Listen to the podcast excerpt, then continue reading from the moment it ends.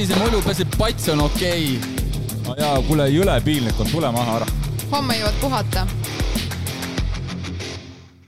tere kuulajad, mul on hea meel, et oled sättinud kuulama ennast äh, Tri-, Tripassion podcasti järjekordset episoodi. täna me triatlonist suurt juttu ei tee, küll aga räägime äh, ühest alast kolmest ja väga põgus, väga tihedalt ning äh, ja seda enda ala spetsialistide ning äh, äh, võiks öelda isegi natuke teadlastega. et äh, mul on külas saates äh, Tartu Cycling äh, jalgrattatiimi kaks ratturit, tere tulemast saatesse, Markus Pajur ning Siim Kiskonen! tervist! tere ka minu poolt! Ähm, värskelt on möödas nädalavahetus, kus äh, esimest korda ajaloos peeti Eestimaa ning osaliselt Lätimaa pinnal äh, Graveli meistrivõistlused ning Markusel õnnestus seal endale selga saada ajaloo esimene trikolooriga meistrisärk, kuidas värsked emotsioonid on nädalavahetusest? Jah, tõesti läks, läks hästi, võib nii öelda, et äh, sõit oli äärmiselt raske ja, ja sai paar viga tehtud, et äh, tegelikult äh, lõpus võis öelda, et natuke isegi üllatus, et see võit tuli, et tegelikult ma olin krampides lõpupoole, et jah, võib rahul olla. Siimul jäi näppude vahele pronks, kui palju sul oma tiimitööd teha saite või?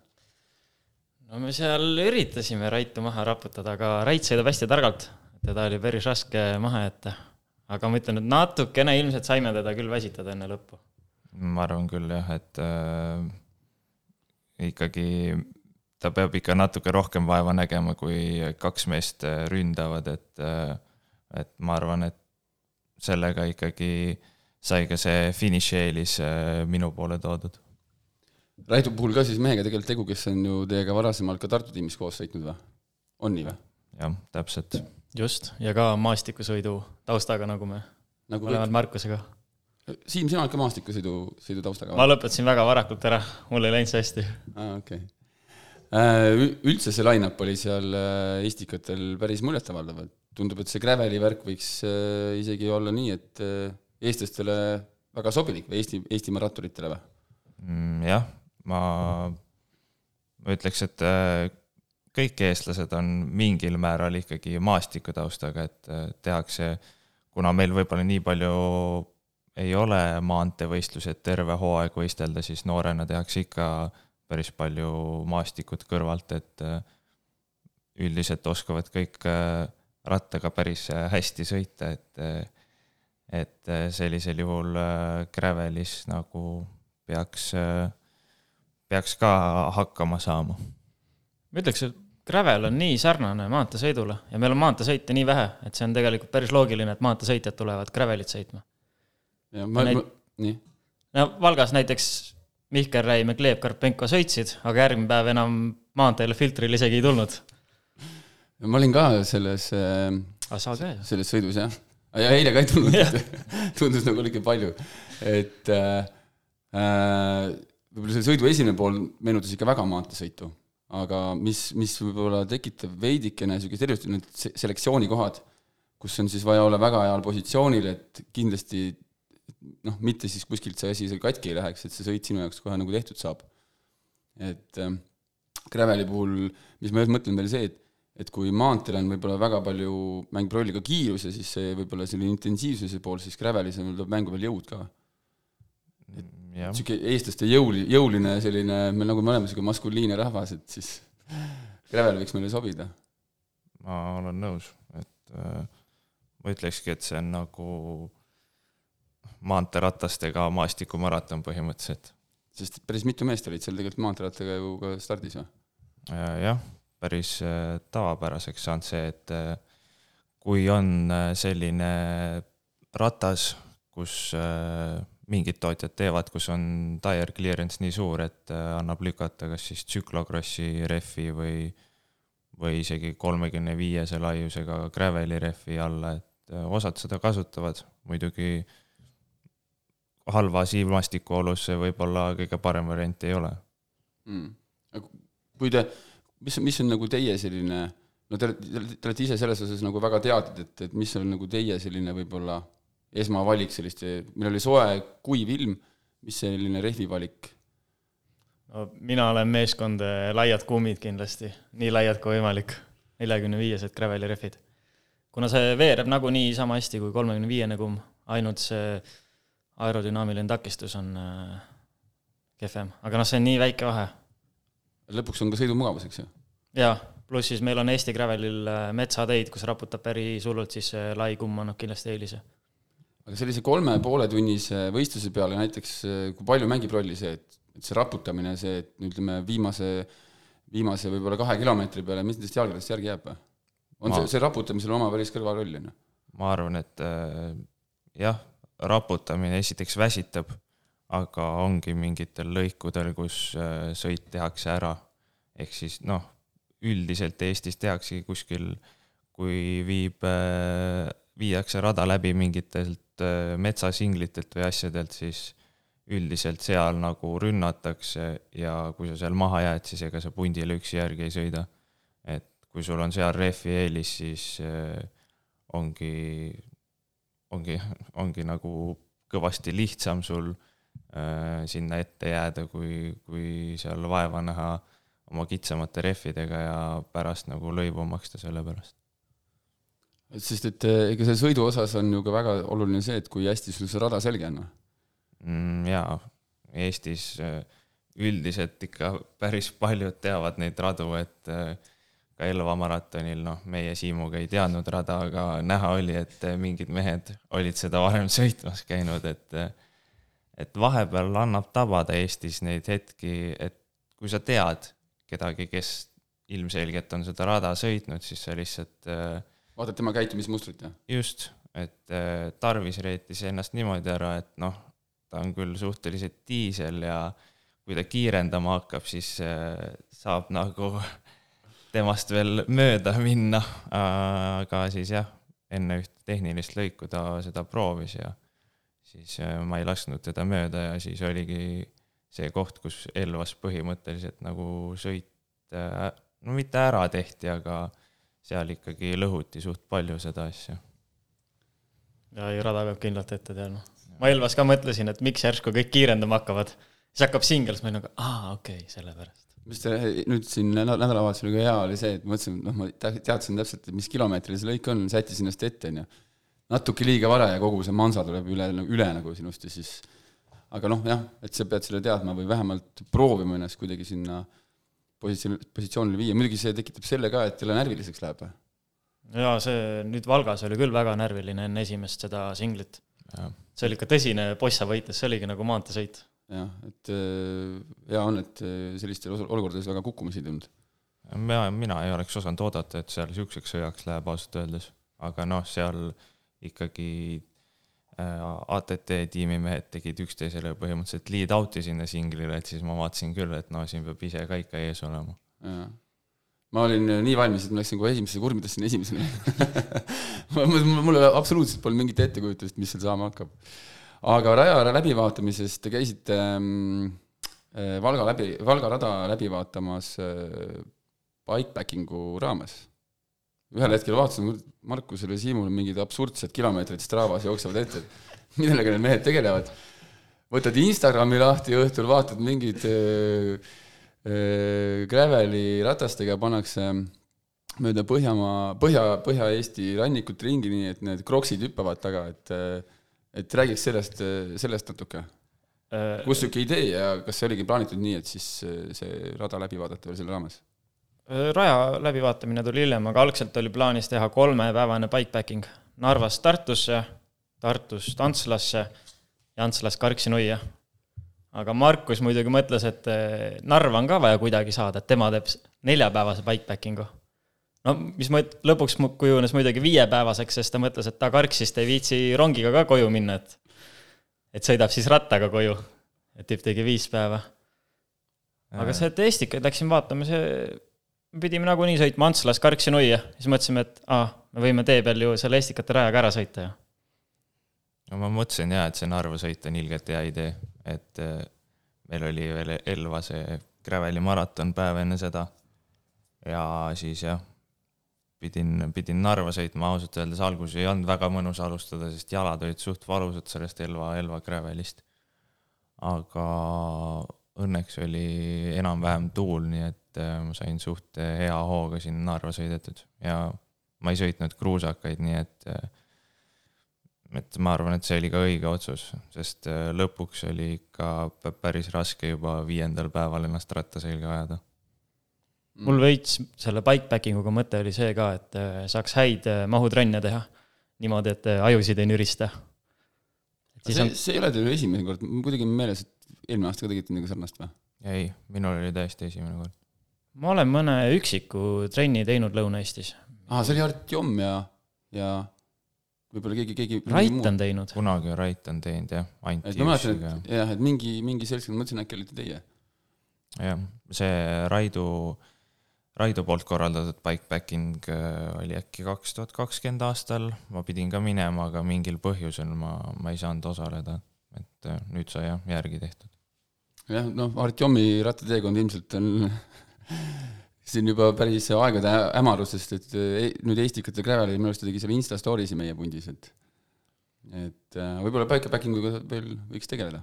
No jah, tal olekski vaja see maht alla saada, et küll siis lõigud peale teeb, siis ma arvan, et ta saaks päris hea vormi endale, aga aga tal jah, kuidagi ei ole aega selle töö kõrvalt, ma arvan, seda bikepacking ut ette võtta. ma arvan, tal on praegu äkki sihuke vaheaasta, et ta see aasta puhkab, puhkab äh, eelmisest neljast aastast, mis oli tal väga raske. ja nüüd järgmine aasta, siis tuleb tagasi. tahaks loota, tahaks loota. värvikas kuju igastahes sees. Äh, te tõite ennem välja juba jutu käigus selle, et äh, maastikujalgrattaga taustaga, te olete mõlemad Kal-, Kalevi jalgrattakooli kasvandikud, sealt välja sirgunud, kuidas see teekond üldse Kalevi jalgrattakooli jõudis, Siimu puhul vist on, pole väga varianti, isa on ees juba pikki aastaid, mitmendat põlve mitmendat põlve jalgrattur sa üldse oled? ma olen kolmandat, mul sõits vanaisa ka. aga mul oli Kalevi jalgrattakooli jõudmisega see, et äh, isa käis maratone sõitmas, ma läksin, sõitsin lastesõite siis ja siis Kalevi treener oli, et läks mu isa juurde ja ütles, et kuule, aga pane poiss trenni siis juba. aga kes selleks Kalevi jalgrattakooli treeneriks tol hetkel oli siis? Ado Hein. ikka Ado Hein? et see oli isegi väga loomulik jätk isa kõrvalt? jah, tegelikult ma tahtsin isegi varem minna, aga isa oli, et ei, pole varakult vaja minna, siis kui ma hakkasin kaksteist saama, siis ta oli okei okay,, nüüd võib minna. sul oli mingi jalg, jalgpallitaust ka või? Jaa, mängisin kolm-neli aastat jalgpalli, aga ma olin päris väike siis. okei okay., et siis põhimõtteliselt olnud äh, pidevalt äh, või kogu oma teadliku elu jalgade peal või mis siis? jah, lastest välja tulin, siis läksin jalgpalli ja, ma mängisin FC Jüris aga mingi aeg oli see, et FC Jüri läks kinni ja ühines JK Tallinnaga äh,. Tallinna Kaleviga, jah, JK Tallinna Kaleviga. siis trennid läksid linna, aga ma mingi kümneaastasena mõtlesin, et ma küll ei viitsi linnas käia trennis, et sinna mu jalgpalluri karjäär jäi. aga Margus, sinul, sul on ju päris pikk teekond, et äh, Piritale jõuda. jah, ma alguses äh, olingi Nõmme rattaklubis, kuna see oli ka kõige lähedamal kodul. aga seal Nõmme rattaklubis äh, olid mingid äh, probleemid tekkisid ja siis äh, ma otsustasin klubi vahetada ja kuna mul olid sõprussuhted tekkinud sealt Kalevi jalgrattakoolist, osad on siis sõitjatega, siis see oli nagu kõige loogilisem valik. Ja see trennid Pirital olid noh, alguses väga ei, mind ei mõjutanud, sest vanemad niikuinii transportisid sinna. Et ei olnud seda, et äh, pidid jalgrattaga veel tund aega alla sõitma ja pärast peale või? Äh,? alguses ei olnud, hiljem, hiljem tuli see jah, et äh, ma vist sõitsin esialgu trenni ja siis vanemad viisid ära ja lõpuks ma ei tea, võib-olla isegi sõitsin ja tulin tagasi vahepeal, et jah. kui te meenutate seda, mis see, mis see, mis see vanuse, mis see vanuse, ütleme, aeg võiks olla, kui vanad umbes olite, kui te sinna trenni jõudsite või? mina läksin kaheteistaastaselt Kalevi jalgrattakooli. ma olin äh, üheksa, kui ma läksin Nõmmele ah,. et ma mõtlen, et, et te ütlesite, et maastikurattasõit, sellega seal algas, on ju, et mismoodi need nagu treeningud, kas need treeningud viidigi enamasti siis läbi äh, maastikul või niisugune mängeldes või mängud, kuidas see nagu nii läks? minu puhul Nõmmel oli küll jah, et noored olid kõik maastiku peal ja need treeningud olid enamasti mingi kulli mängimine ja, ja ma ei tea, ussi sõitmine, et ega seal, seal ei olnud mingit sihukest kindlat treeningplaani, et tulid kohale ja üldiselt käis nagu jah, väga mänguliselt see asi. Kalev jalgrattakoolis sama asi, aga eks see on see ka, et väga noortega ei saa minna maantee peale sõitma. et palju turvalisem on metsas alustada ja no sa pead muidugi hoidma neile kuidagi seda asja ka huvitavana või? sa saadad nüüd sinna pulksirgele maanteele sõitma, siis võib-olla peale kolmandat trenni enam noor ei tule või? ei, kaheteistaastasena küll ei viitsinud. ma arvan, et sellepärast sõitsin ka võib-olla maastikku, et sai ikka laskumisi sõita ja äge oli, noh. maantee tundus suht igav. ja no alguses ikka said esimese maanteeratta, siis tundus huvitav, aga aga ma võib täitsa öelda, et oli aeg, ma arvan, millal ma vihkasin maanteed, sest see oli lihtsalt nii igav minu jaoks. Et äh, ja see oli raske, kuna ma olin nii, nii pisike ja siis äh, ma olingi pigem äh, sihuke, sihuke paigimees ja. mul oli maastikku ka vastupidi. mul oli see, et ma kaalusin kümme aastat tagasi mingi seitse-kaheksa kilo rohkem. ja siis mul oli see, et maastik oli nii raske ja siis ma jätsin maastikusõidu sinna paika et maanteel on hea, et vähemalt kui tuul on tagant, siis lükkab mõnusalt edasi või? jaa, Eestis pole, pole vaata mägesid ka. See oligi, ma olingi viieteistaastane trullakas poiss siis, maanteed oli okei okay sõita. ma muidugi ei kujuta ette seda Siimu, sul no ütleme, et sa ei ole, noh, ütleme sihuke keskmisest võib-olla veidi lühem ja siis veel trullakas ka, et siis jalgratta peal on üsna kommeline vaatepilt või? oo, viieteistaastaselt ma nägin ikka suur välja. praegu te vaatate küll, et ma olen väga väike, aga ei, siis viieteistaastane ma olin ikka suur. aga kui sa viieteistaastaselt suur olid, siis äh, seda varianti ei olnud, et võiks olla, sa oled trekivend või? Ei, ma ei olnud nii jõuline, ma olin trekis suht kehva. Aga treki peale pandi sõitma? jah, ja ma, isegi mina sõitsin, ma, ma olin muidugi su-, äärmiselt halb seal samamoodi et ega ma kuhugile ei liikunud. ja ma mäletan, et ma ootasin väga neid grupisõite, et ma lootsin, et ma seal saan vähemalt midagi sõit teha, aga, aga isegi seal eliminaatori sõidus ma olin vist äh, esimene või teine, kes välja langes, et isegi Artjom Köster, kes alles alustas sellel ajal, siis äh, ma langesin enne teda välja, et see trekk oli minu jaoks suur pettumus. mul trekil läks nats paremini, mul mingid alad sobisid mingi väga hästi ja mingid kehvemini. punktisõidus ma tulin isegi Eesti meistriks jungades. aga näiteks äh, sprinti ma ei saanud päris tihti sisse.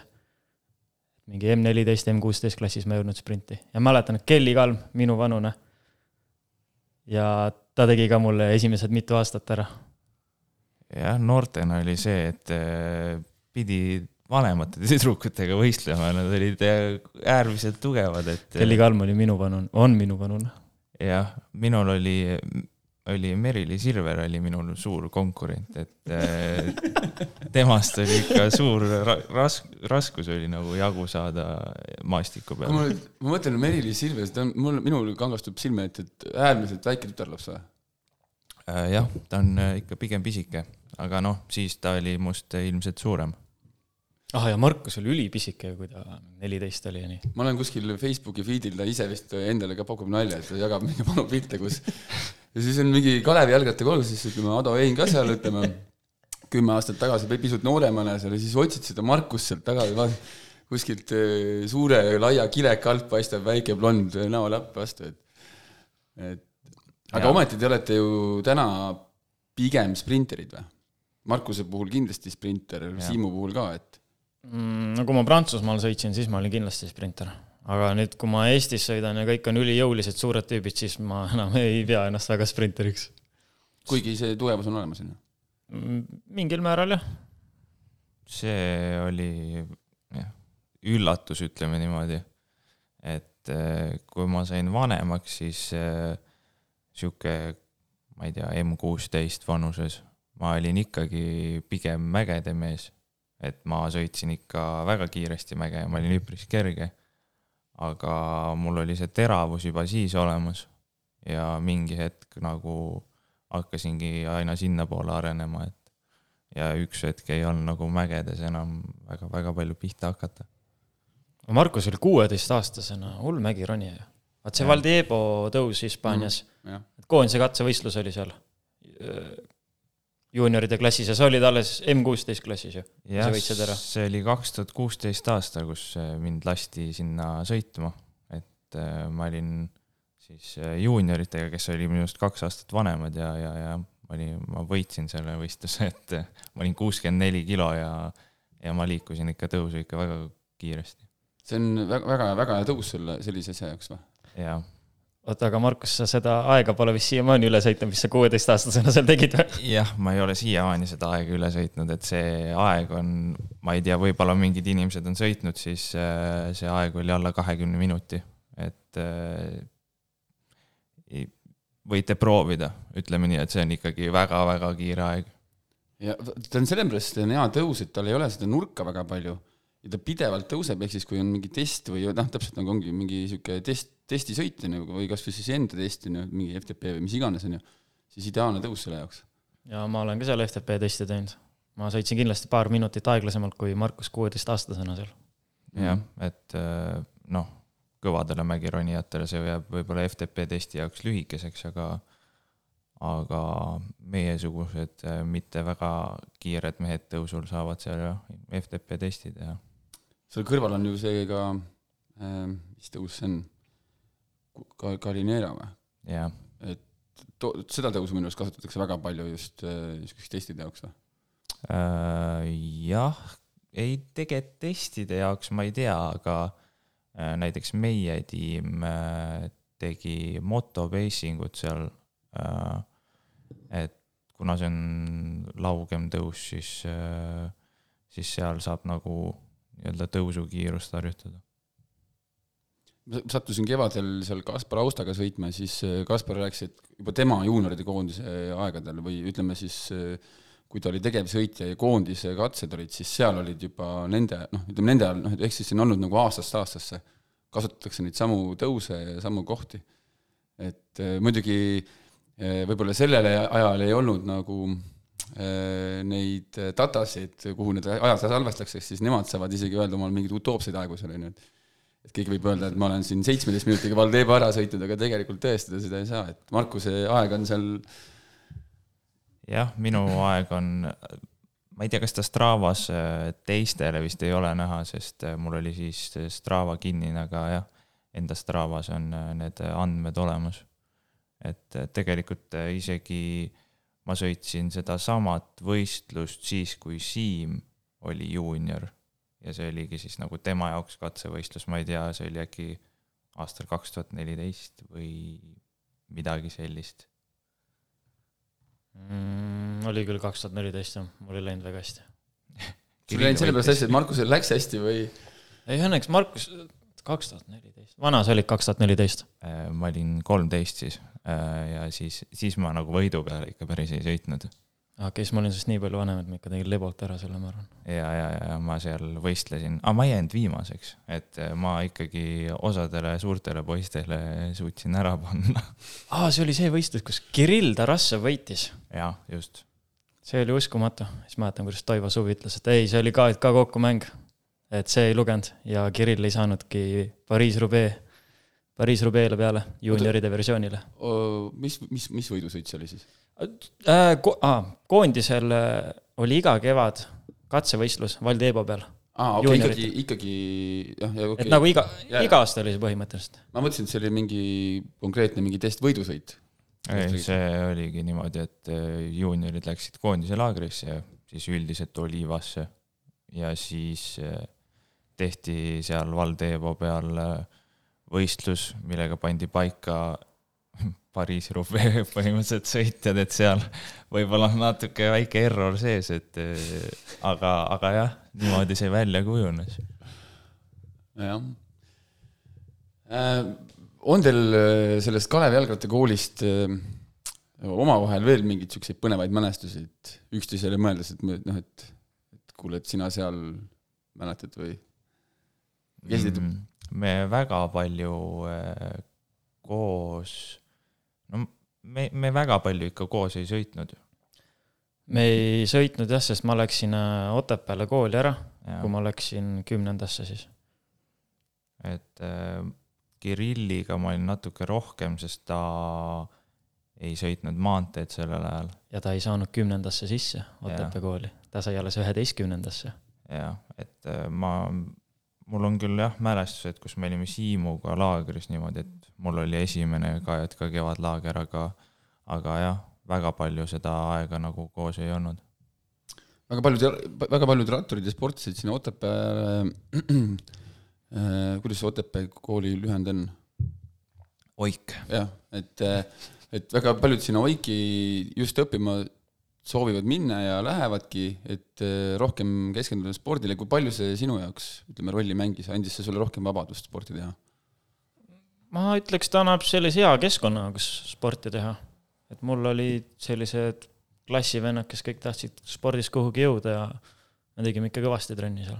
mul klassivennad olid, ma ei tea, Karl-Patrik Lauk, Kristo Enn Vaga, Eike Kaur-Vessmann et nad tegid kõik ikka hullult trenni. Nende meestega saab tegelikult siiamaani ju veel kokku puutuda, võib-olla Eke Kaur Postman vist ise enam ei sõida, küll aga teeb üritusi ja veab äkki siis rattakooli seal või? Et ja Kristjan Maga samuti, nüüd tänaseks küll harrastaja, aga jälle, jälle, jälle, jälle, jälle nagu võistlusspordi juurde tagasi, nüüd teda saab siis ka kohata reporteri rollis teinekord, et siin, kui te mõlemad vägitegelase tegusid näiteks maanteesõidul Estikatel tegid, siis tema näiteks koos Urmas Karlssoniga äh, kandis ülekannet üle, et et selles seltskonnas tegelikult on äge, äge mõelda seda, et kõigist võib-olla ei saagi tippjalgratturid, aga aga kuidagi selle ala juures nagu on siis nagu taustarolliks. et äh, tuleks ka järgmisi mehi võib-olla või naisi ja üldse noori peale, et aga Kalevi jalgrattakoolist edasi, mõlemad sattusite küll vist eri aastatel, aga Tartu kaks tuhat kakskümmend neli tiimi. mismoodi selline üleminek sinna jõudis?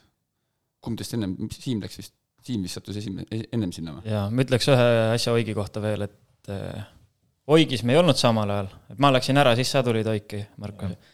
ja siis sa tulid samasse tuppa, kus ma kunagi olin, et number kolm tuba.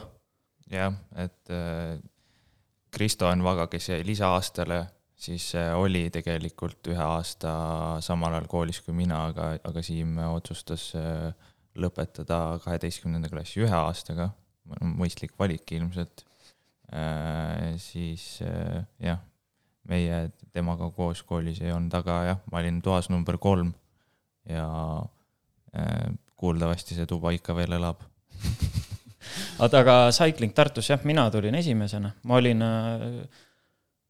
no põhimõtteliselt kaks pool aastat ma olin Prantsusmaal ja siis ah,, kõigepealt ma läksingi Prantsusmaale sellepärast, et meil Eestis ei olnud üldse sellist klubi, kes käis välismaal võistlemas Läksin Prantsusmaal, olin seal paar aastat ja siis oli Eestis tekkinud Cycling Tartu. siis Rene Mandri kutsus mind sinna ja siis läksin sinna. ja mina äh, ühinesin samal, samal aastal vist, ega poole pealt, kaks tuhat üheksateist.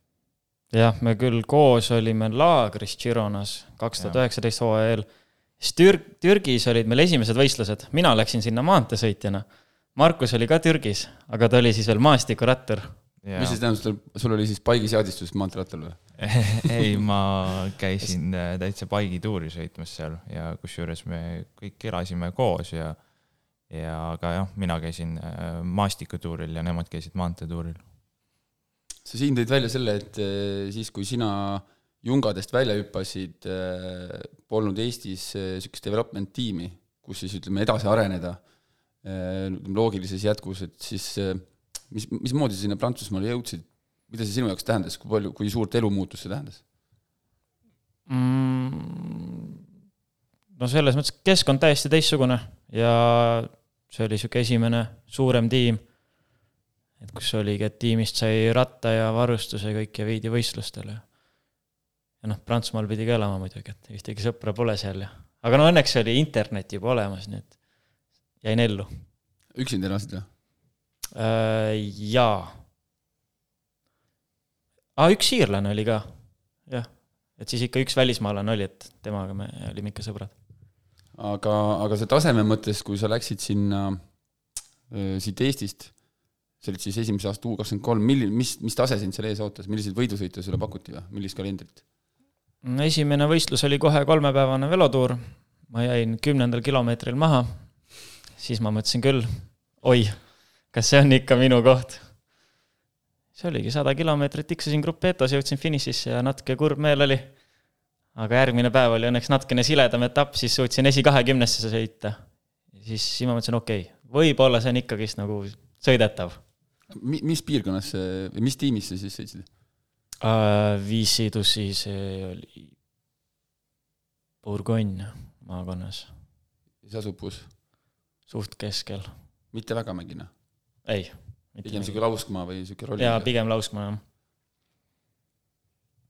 aga, aga Cycling Tartu juurde uuesti tagasi tulles, et äh, kui suurt rolli Rene Ma-, Rene, Rene Mandri tegi sulle ettepaneku, et äkki tuleksid äh, kodumaale äh, just värskelt alustavasse tiimi sõitma, oli see, oli see sinu jaoks niisugune otsus, et kurat, ma olen juba Prantsusmaal, on nüüd, on see mõistlik nüüd tagasi kodumaale tulla või, või oli see otsus äh, lihtne või kerge mm,? Pigem lihtne, kuna ma olin paar aastat Prantsusmaal olnud, siis ma tegelikult tundsin juba, et nüüd tahaks vaheldust et tahaks eestlastega koos sõita, et eestlastega koos sõites on niisugune, no kambavaim on parem. et välismaalastega päris sellist head kambavaimu ei teki mm.. Markusega me kunagi trennis oleme põgusalt isegi rääkinud sellel teemal, et kui olulist rolli mängib selline tiim, nagu meil täna Tartus on, et äh, räägid enda sellisest üleminekust Jungade east sinna, kuidas, kuidas need esimesed võidusõidud seal minema hakkasid, ma saan aru, et vist suureks liidriks oli tol hetkel, kui ma ei eksi, Norman Vahtra või? jah, Norman oli suur liider, jah. Äh, no mul oli peamine asi see, et ma tulin üldse maastiku pealt ja ma nagu väga ausalt öeldes ei osanud midagi arvata, nagu täpselt, mis seal sõitudel toimub, et ma olin jah, juuniorina sõitnud neid võistlusi ja ka U kahekümne kolmes koondise eest, aga aga jah, see läks väga nagu ludinal, et äh, sain kohe seal nagu sõitudel päris hästi hakkama ja, ja jah, Norman oligi suureks eeskujuks, et äh, ma ütleks, et ta nagu õpetas väga palju üldse sõitmise kohta ja, ja minu arust kõige, kõige tähtsam, et ta õpetas nii-öelda võitmist, et äh, et järgmistel aastatel saime meie seda proovida ja siis eh, noh, me olime, me olime näinud, kuidas see käib, et Nor-, Norman võitis, ma ei tea, kaheksa UCI võitu sel aastal või igastahes jah, et eh, ta oli suur eeskuju. mul oli väga hea sõita Cycling Tartus. Norman Vahtra oli liider, aga ta on minust nii palju suurem, et mina ei pidanud teda lahti vedama, et mina sain alati tema tuules eh, ise ka finišit teha põhimõtteliselt kui Siim oleks talle liidauto teinud, siis ta oleks nagu võrk aia taga seisnud, et tuul puhub läbi lihtsalt. siis ta poleks ühtegi utsi võitu saanud. jaa, et no ega, ega meiegi väga palju nagu seal liidaudis tegelikult äh, abiks ei olnud, et äh, noh, me üritasime ikka teha kõik, mis me saime, aga lõpuks Norman lihtsalt läks toore jõuga ja, ja Siim oligi tal põhimõtteliselt tuules või kuskil lähedal, et, et nii need tulemused tulid oota, aga Markus, kuidas sa selle otsustasid, et sa tuled Cycling Tartusse? ma ei tea seda siiamaani.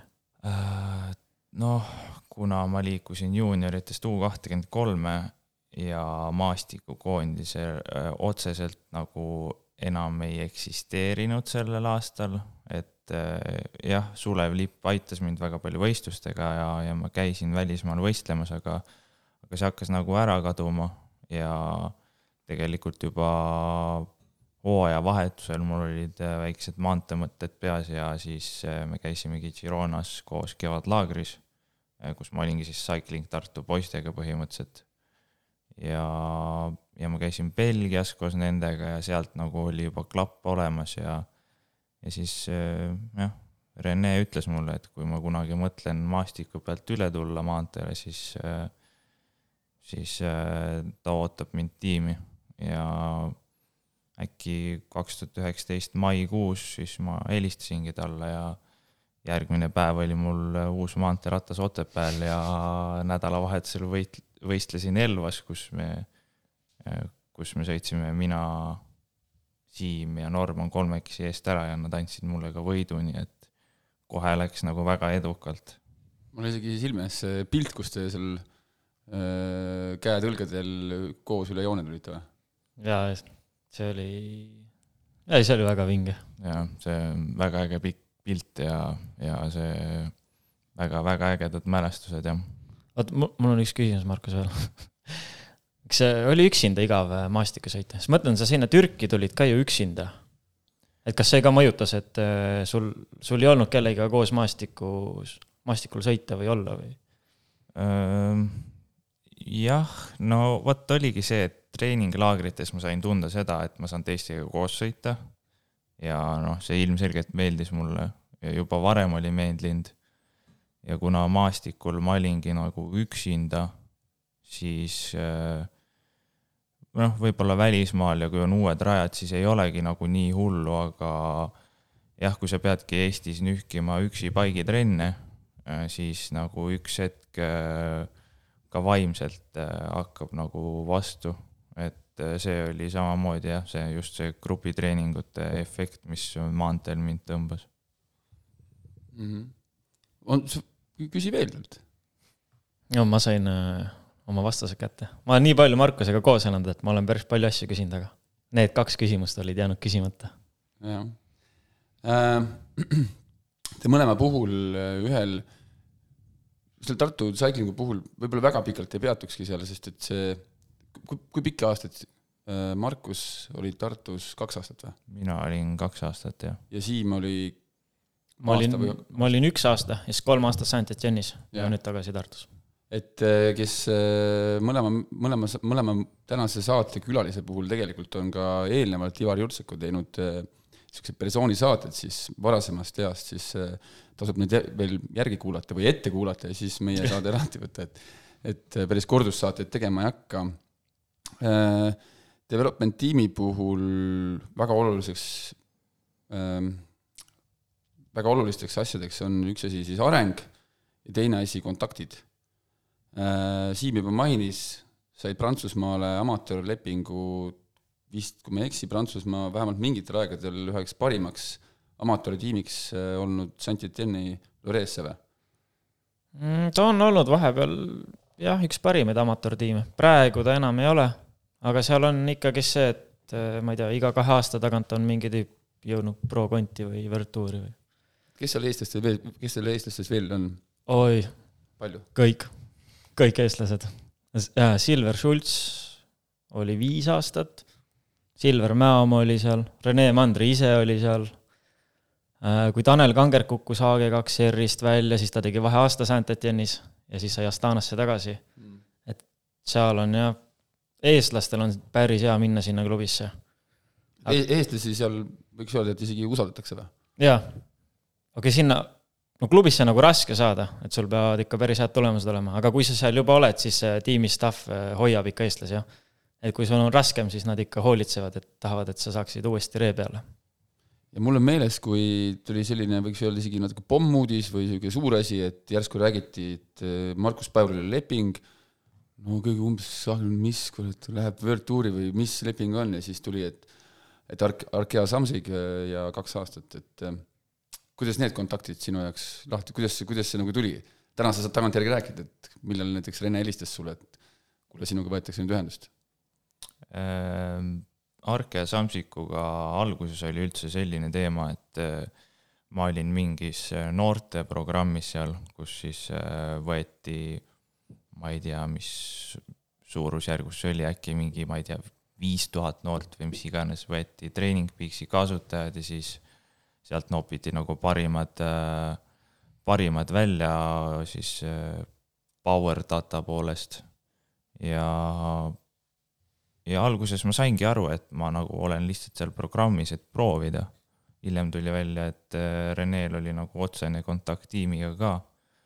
ja siis ma sain seal nagu siis voorust edasi ja ma olin, ma ei tea, parima kümne hulgas või midagi sellist aga see noorteprojekt oli tegelikult üldse nagu lihtsalt, äh, ma ei oskagi öelda, et Arkea pakkus mingit toetust noortele laagris käimiste ja ratastega, aga see lepingu asi tuli lõpuks niimoodi, et äh, kuna mul oli juba paar tulemust Poolast ja ma ei mäleta, kust veel, ja siis äh, igastahes enne EM-i, mis oli siis äh, Prantsusmaal tuli äh, Arkea spordidirektor äh, Rene ja Jaan Kirsipuuga rääkima, äh, siis et, et noh, ma lihtsalt, ma olin alguses seal lihtsalt kaasas, et, et kuulata, aga no ega nad, ma midagi aru ei saanud, nad rääkisid prantsuse keeles. lõpuks tuli välja, et nad tahavad mind alates aastast, ma ei tea, kaks tuhat kakskümmend kolm või ühesõnaga hiljem, kuna ma olin nii noor. aga siis äh, spordidirektor ütles, et no vaatame, mis seal EM-il tuleb. ja siis seal EM-il ma panin pundika ja olin neljas ja peale seda juba Joona Lauka, mu mänedžer, siis äh, helistas mingi, ma ei tea, võib-olla paar nädalat hiljem, et äh, leping on olemas et see oli nagu Joona ja Rene koostöö selles mõttes ja, ja, ja Jaan Kirsipuu, et äh, seal oli mitu osapoolt, kes aitasid seda lepingut kinnitada. mõtled praegu tagantjärgi, oli see hea, et see leping siis noh, ütleme nii kiiresti tuli või oleks võinud oodata natuke? kui noh, ütleme, kui see nagu natuke niimoodi uh, ma ei oska isegi öelda, ma arvan, et tegelikult oleks ilmselt olnud parem jah, kui ma oleksin äh, läinud kuskile development tiimi, noh, suurde development tiimi näiteks nagu tollal oli siis äh, Sunweb, mis on praegu nüüd ESM. et kui oleks äh, sinna saanud, siis äh, võib-olla sealt oleks nagu see arengutee olnud parem ja ühtlasem, aga mõttetu natuke oletada, et, et ma andsin parima ja, ja läks nii, nagu läks mm läks nii, nagu läks, kehvasti ju ei läinud ju. no jah, aga ikkagi see sealt tasemelt välja kukkumine on ikka sihuke pigem ebameeldiv kogemus, aga jah, on, on millest õppida. paraku käib see vist asja juurde, et ega sellega peab arvestama, et äh, ühel hetkel suur pidupäev, allkirja lepist, allkirjaga andmine paberile võib-olla aasta hiljem äh, ja pead vaatama, kas sammu tagasi või tihti pannakse üldse ala maha, siis jah, ja see on ju tegelikult paljudel Eesti jalgratturitel olnud, et siin Martin Laas peale telko, telko lepingut pidi ka minema aste madalamale tagasi ja, ja, ja just nagu enne välja toodud äh, Norman Vahtra äh,. jah, Norman Vahtra samuti ja, ja, ja ka Tanel Kangert, kes tegelikult ju äh, AG2 R-ist pidi ühe vahe aastas antiteenist tegema. et eh, neid juhtumeid on palju jah, et eh, kuidagi tundub, et eestlased eh, ei saa nagu kuidagi alguses käima või ma ei oska öelda, mis see probleem on. Kalle Kriit ja Gert Jõer ka ju, Covidises, mõlemad olid äkki ainult mingi, ma ei tea, kaks-kolm aastat või? ja siis kukkusid ka, võib-olla Gert oli rohkem, aga Kalle oli vist küll ühe. Gerdil oli kaks aastat minu meelest. või oli, või oli, võib-olla oli kolm no igatahes jah, kõik on nagu, ei teinud pikka karjääri, et sinna saada, okei okay,, saadi, aga siin, seal püsida on ka ikka väga raske. et Markus, sellest pole midagi imelikku, et sa välja kukkusid. jah, aga mul on ikkagi kindel plaan tagasi jõuda, et, et mina alla veel ei anna. seda on hea kuulda. kui, kui palju loeb seal see, et sinu soontes ei, ei voola prantsuse veri? No kindlasti palju, et ma arvan, et võib-olla eestlastel ongi raske seal nagu kohaneda ka sellepärast, et eh, no Eesti rahvas nagu ikka, me oleme siuksed tagasihoidlikud ja pigem mitte väga suhtlejad. ja sinna otsa veel see, et sa ei räägi kohalikku keelt, eh, võib-olla see kombo jah, ei ole kõige parem, et eh, see võib kindlasti üks põhjuseid olla. no see on ka, et Prantsusmaa tiimid võtavad välismaalasi sinna ainult ikkagist tulemust tegema. jah ja meie Cycling Tartus on ka, et äh, kõik välismaalased, kes meil on, on väga-väga äh, tugevad. aga eestlased ei pea üldse nii tugevad olema, kuna eestlaste jaoks on see ikkagist development tiim. aga välismaalastelt, nagu meil oli, ma ei tea, soomlased Juntunen ja Knaapis, nad on kõik nagu väga tugevad, et meil tiim ei võtaks soomlast, et arendada, teda võetaksegi juba selleks, et tulemust teha. aga see võetakse sellepärast ka, et seda eestlase taset edasi viia yeah.. et seda tiimi sees oleks äh, selline loomulik areng toimuks ka juba kõrge, kõrgema taseme poolest, et. ja eks see ole nagu sponsorite värk ka, et äh, noh, see on ilmselge, et kui sul on Prantsusmaa tiim, siis sa tahadki ka sponsorina, et sul sõidaksid seal kohalikud mehed. et äh, võib-olla seal ongi äh, nende poolt nagu antakse rohkem andeks, mitte võib-olla, vaid noh, nii ongi, et samamoodi see on täiesti loomulik, et sellega ei ole nagu, ei ole midagi peale hakata. seal teisest küljest on see ka, et sõltub sellest sponsorist, on ju, et võib-olla natukene rahvusvahelist äh, sellist kandepinda saada ei ole ka paha ju. Mm, jah, aga eks see, eks see ole ka samamoodi kulu, et kui sealt äh, ei tule nagu kohe tulemust, siis võib-olla vaadatakse, et ei tea, kas tasub ikkagi hoida, et äh, ma ütleks, et tänu sinule päris paljud harrastajad sõidavad siin Arkea riietega ringi kellele sinu numbrid muidugi selga lähevad, aga Äh, jah, sõidavad tõesti, et äh, mõne puhul ei saa arugi, kurat, et äh, võib-olla keegi on uue lepingu sinna saanud, isegi sokid, värgid, kõik jutud on Arkea omad. isegi linnas näinud, et, et eelmisel aastal mul oli üks klubikaaslane, kes elas Eestis. Dan McLay, siis aga vahepeal vaatasid, et täis jah, Arkea vorm, aga ei, Dan'i üldse ei meenutanud, et jah. ei ta palju need Sorry, et ma vahele segasin. ei tea, palju neid rattureid juba on, kes Arkea riietega Eestis sõidavad? paljudele sa oled müünud riideid või andnud? mul on kodus üks. Anetil on minu arust täiskomplekt talveriideid Arkealt. no neid inimesi on ikkagi kümneid, kellel neid riideid on, et eh, ma arvan, et see, nojah, eks eh, osadel on võib-olla ainult mingi jakk või asi või, või ma ei tea, püksid või särk, aga on ka inimesi, kes ostavad jah, terve komplekti, et et ma arvan, et neid inimesi, kellel üks ese on või, või noh, sihuke üks kuni siis ma ei tea, rohkem neid, ma arvan, võib olla kuni, ma ei tea, äkki mingi kolmkümmend inimest. aga mis seal salata, riided on kvaliteetsed? Kusjuures ma isegi Saint-Etienne'i riietega inimesi olen päris palju näinud. kuna esimene eestlane oli Saint-Etienne'is mingi kakskümmend aastat tagasi mm aga, aga, ka... aga ega seal see Saint-Etienne'i see disain ei ole ka suurt muutunud või? Äh, ta on, on. et kui Silver Mäomaa seal oli, siis see oli teistsugune mm.. aga kui te mõtlete nüüd äh, mõlemal nagu juhul, et äh, kõige nagu enda jaoks kõige kõvemad või võib-olla parimani välja kukkunud võidusõidud, Siim näiteks Prantsusmaal, mis, ähm, mis, mis sõidud ja, ja mis tulemusi seal välja õnnestus sõita, kui sa vaatad nagu tagasi mm,? no üks asi oli see, et ma olin ülimalt stabiilne Prantsusmaal. et ma olin kolme hooajaga saanud neid, tiim luges kokku, et äkki oli seitsekümmend seitse top kümne kohta või? Et põhimõtteliselt iga kolmas võistlus olin esikümnes. aga midagi väga suurt ma ei võitnudki, võrreldes sellega, mis ma nüüd võitnud olen.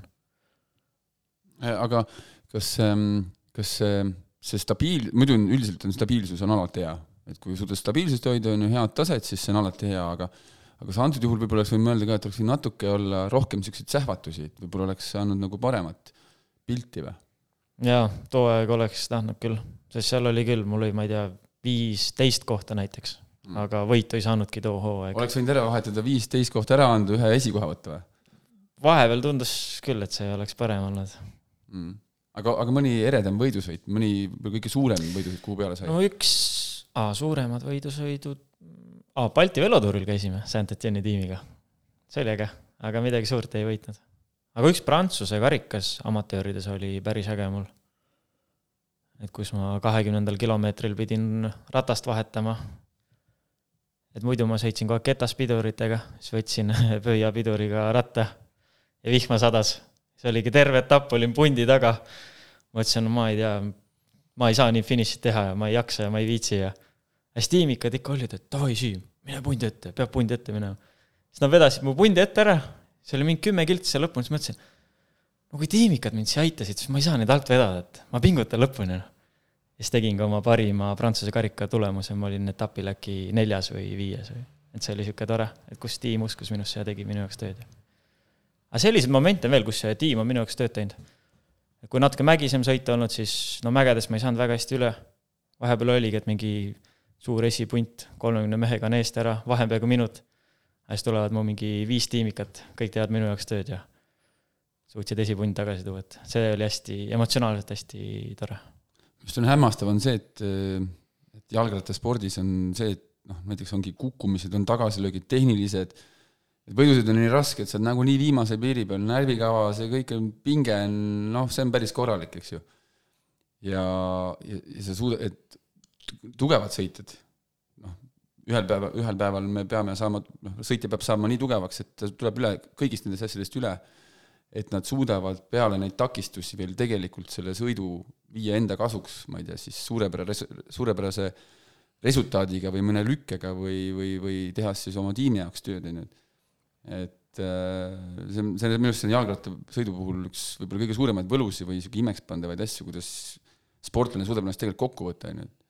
ja ma siinkohal tahakski välja tuua meie viimase Poola võistluse, kus äh, Siimul siis, äh, Siim oli liidrisärgis Solidarnosti tuuril ja meil oli viimane etapp ja ta pani rehvi Munakivi lõigul ja terve tiim peale minu jäi teda siis ootama või noh, temaga koos sõitma et nad punti järgi saaks. ees kõik poolakad panid karusselli, et Siim elu eest järgi ei jõuaks.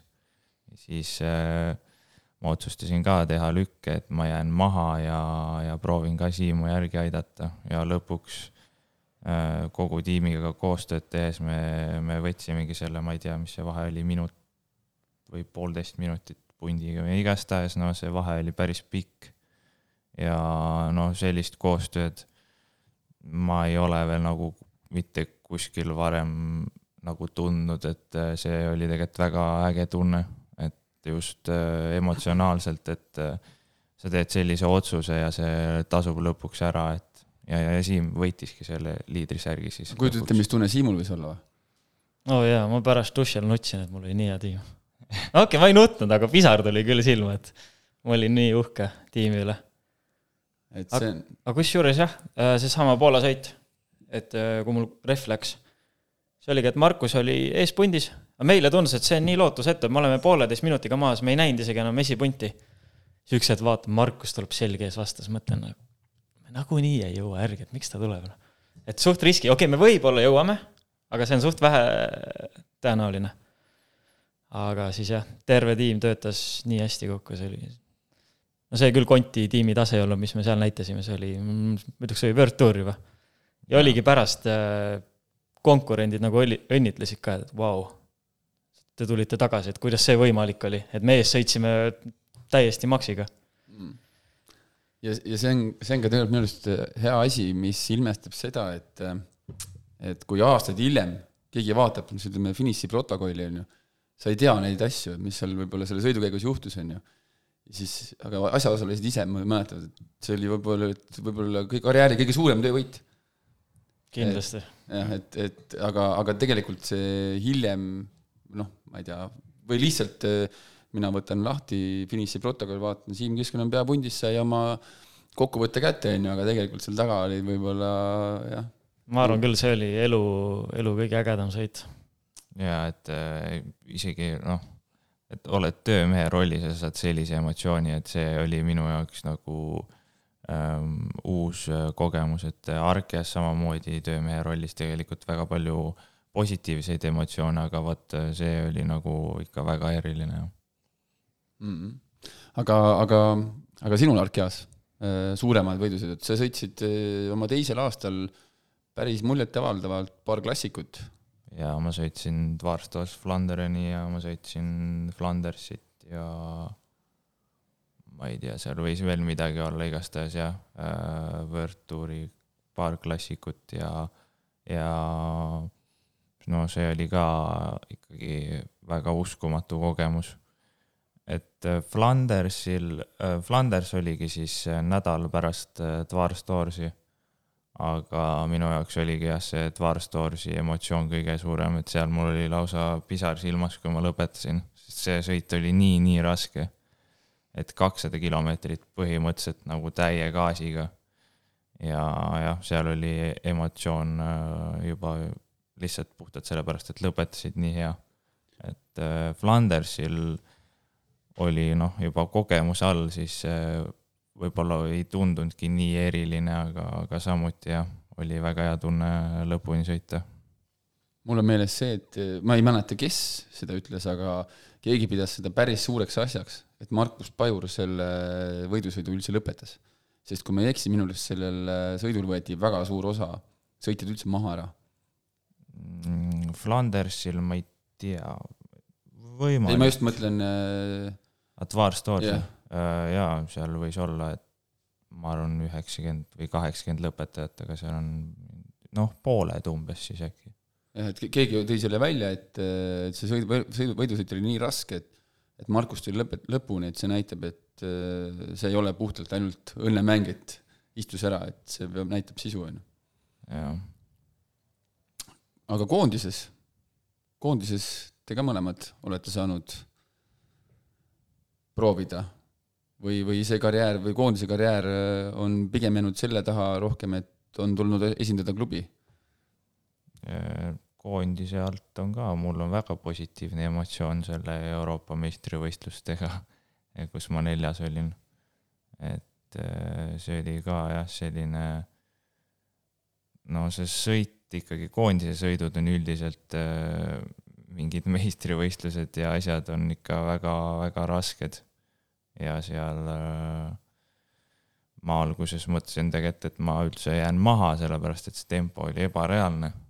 aga jah, ka samamoodi äkki Artjom sõitis seal ja ta nagu kuidagi utsitas mind üles, et ma prooviksin nagu ettepoole hoida ja sõidu käigus saigi parandatud natuke taktikaliselt seda asja ja seal, seal otseselt küll tiim ei aidanud äh, väga palju, sest seal ei olnud see niimoodi võimalik, aga jah, üksteisele toeks olemine, see on, see on ka nagu aitab selles mõttes, et äh, ja neid kogemusi on veel olnud.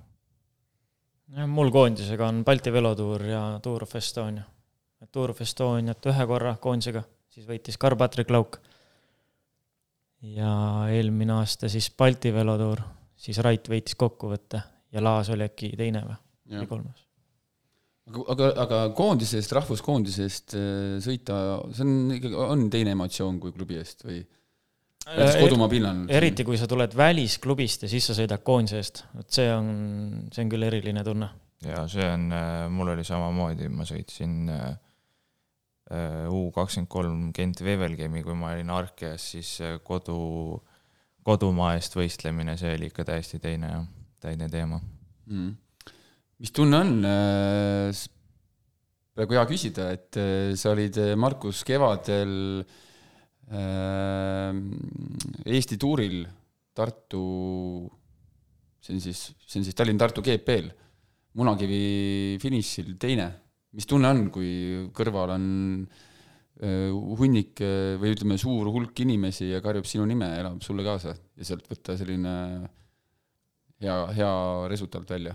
ei, see on uskumatu tunne, et mul äh, ei olnud varem väga palju niisugust võimalust äh, sõita, okei okay,, ma olen ühe aasta sõitnud Balti tuuri kaks tuhat kakskümmend, aga aga koroona tõttu seal ei olnud ka väga palju pealtnägijaid ja äh, siis see selle aasta Tour of Estonia, jah, ma esiteks väga ootasin seda ja teiseks, et inimesed on äh, raja ääres ja karjuvad ja sa kuuled enda kodukeelt sellisel suurel võistlusel, et see, see on äh,, annab äh, motivatsiooni juurde pingutada, isegi siis, kui on nagu väga limiit. see teine koht oli üldse väga vingelt, see on Tallinn-Tartu etapp, aga me jäime, Vaidas jäime maha juba. jaa, see, ma ei tea, kilomeeter kolmteist või midagi sellist. olime nats halval possal me vaatasime, et siin läheb väga raskeks, et teeme kohe oma grupeto ära ja hakkame sellega tulema. muidugi Poola ratturid olid väga kurjad mu peale, ütlesid, karjusid, et ma olen idioot ja värk. Äh, jama oli see, et sellel aastal ei olnud äh, videoülekannet või ütleme siis nagu telepilti ei olnud, et siis pidi põhimõtteliselt kommentaaride, kommentaarides siis nagu kaasa elama või, või seda jälgima, aga finiši, finišipilti ma nägin ja mulle tundus äh, natuke Markust teades, et eh, seal eh, mees sai punni maha, sai kaane pealt ära, et niisugune võib-olla natuke mõõnaperiood või niisugune nagu, niisugused nagu halvad ajad on nagu möödas ja Markus on saanud endale jalad alla ja suudab, suudab sõita küll, suudab finišit teha küll või kuidas sa ise tunned?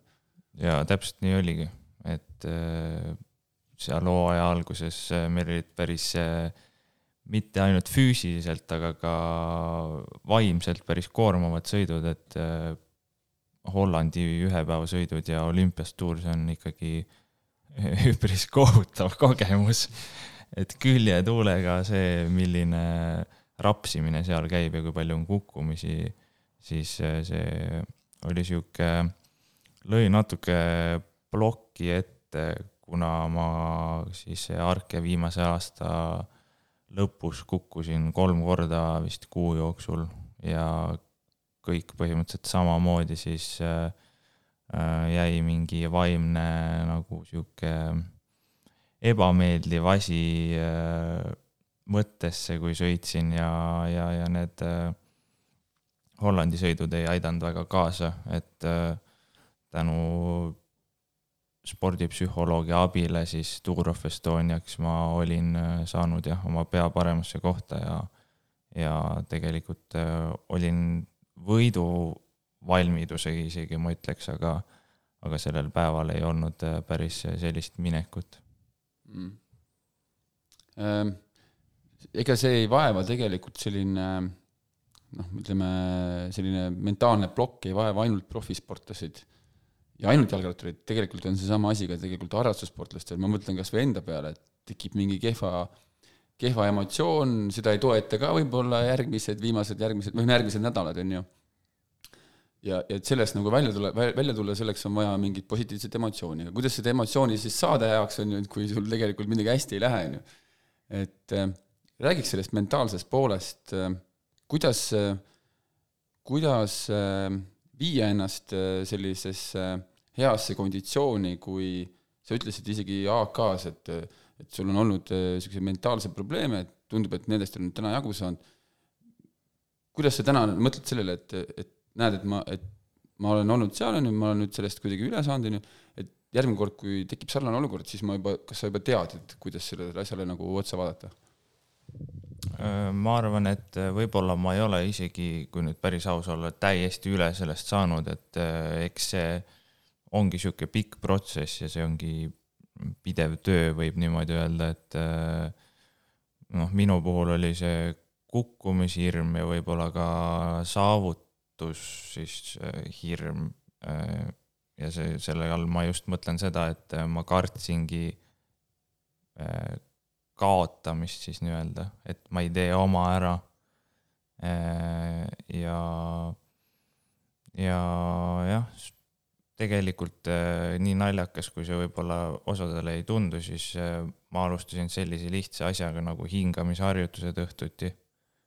ja, ja ma ka hakkasin seda üks hetk kasutama võistluste ajal, et kui mul tuleb mingi ärev, ärevus sisse, siis äh, ongi nagu hingamine paika saada, et äh, tegelikult eh, kui ei tule nii-öelda hapnikku peale, siis eh, see samamoodi ei aita mõttetööle kaasa, et eh, ja siis läbi nende üritasin ennast nagu võistlustel ka panna ebamugavamat, ebamugavatesse olukordadesse, just mis nagu tegelikult ei sobi, aga läbi nende kogemuste sa saad natuke paremaks ja paremaks ja üks hetk nagu sa teedki, julgedki juba rohkem äh, noh, nii-öelda ma ei tea, kui mul oli kukkumishirm, siis ma proovisin kasvõi alguses nagu, et ma oleksin natukene pundi seespool, et kasvõi üks positsioon. ja niimoodi tükk tüki haaval lõpuks äh, sa seda puslet lahendad. ma mõtlesin, mis hingamisharjutusi sa tegema oled hakanud. aga ma polnud küsinud. siis me Markusega iga võistlus, me ööbime koos. siis viimasel ajal on küll, et Markus hingeldab jubedalt voodis. siis ma olen mõelnud, et mis värk on. jaa, see on äh, õhtuti jah, et äh, Siimuga vahepeal äh, olen ühes hotellitoas olnud, siis ma olen teinud, siis ma pole talle otseselt niimoodi öelnud, mis ma teen vist. või võib-olla ühe korra olen, aga, aga jah, et ma ei lase väga häirida sellest sa oled seda nii hilja teinud, ma mõtlesin, et äh, see on sul magama jäämisrutiin ja siis ma pole tahtnud äh, sind segada ja küsida. hakkad padjaga peksma, et kuule, elad ikka või? aga, aga tegelikult on, äh, mina ise, noh, ise tehes ka sporti ja ka olles nagu seotud harrastusspordi juures ka läbi klubi tegevuse, siis ma ütleks, et selline mentaalse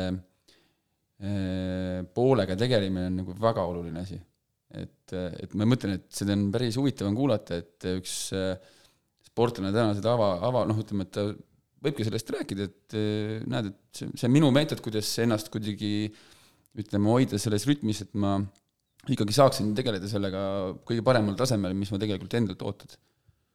jaa, et ma üldiselt noorena ma olin endas nii veendunud, et nagu vaimselt ma olen äh, täiesti tipptasemel, et mul ei ole ühtegi probleemi, aga äh, üks hetk, kui need tulevad, siis ongi see, et sa pole nagu absoluutselt selleks valmis.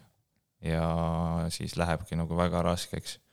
et äh, nüüd ma olen ka arvestanud seda, et niisuguseid asju võibki ette tulla, et kunagi ei tea mm ma see kevad ka kukkusin kolm nädalavahetust järjest ja siis tuli ka korralik plokk ette pundis sõitmisega, et ei, ei julgenud enam väga sõita. aga õnneks siis said võistlused otsa ja nüüd on nagu sujuvalt üle läinud. ära unustada, et mis see, mis see, mis see on, aga just see või, või, kuidas see on siis nagu võistlemishirm, hirm selle ees, et äkki ei tule seda resultaati, noh, ilmselt ei tulegi, noh, sihuke kahtlev seisukoht iseendas, et, et, et ma lähen starti, on ju, no il-, suure tõenäosusega sealt ei tule midagi, sest et noh, sa oled juba nii ärev ja niisugune juba ette kaotanud, on ju, et kui palju ja kui tihti seda, ütleme, kui, kui tihti sellest omavahel juttu tehakse või?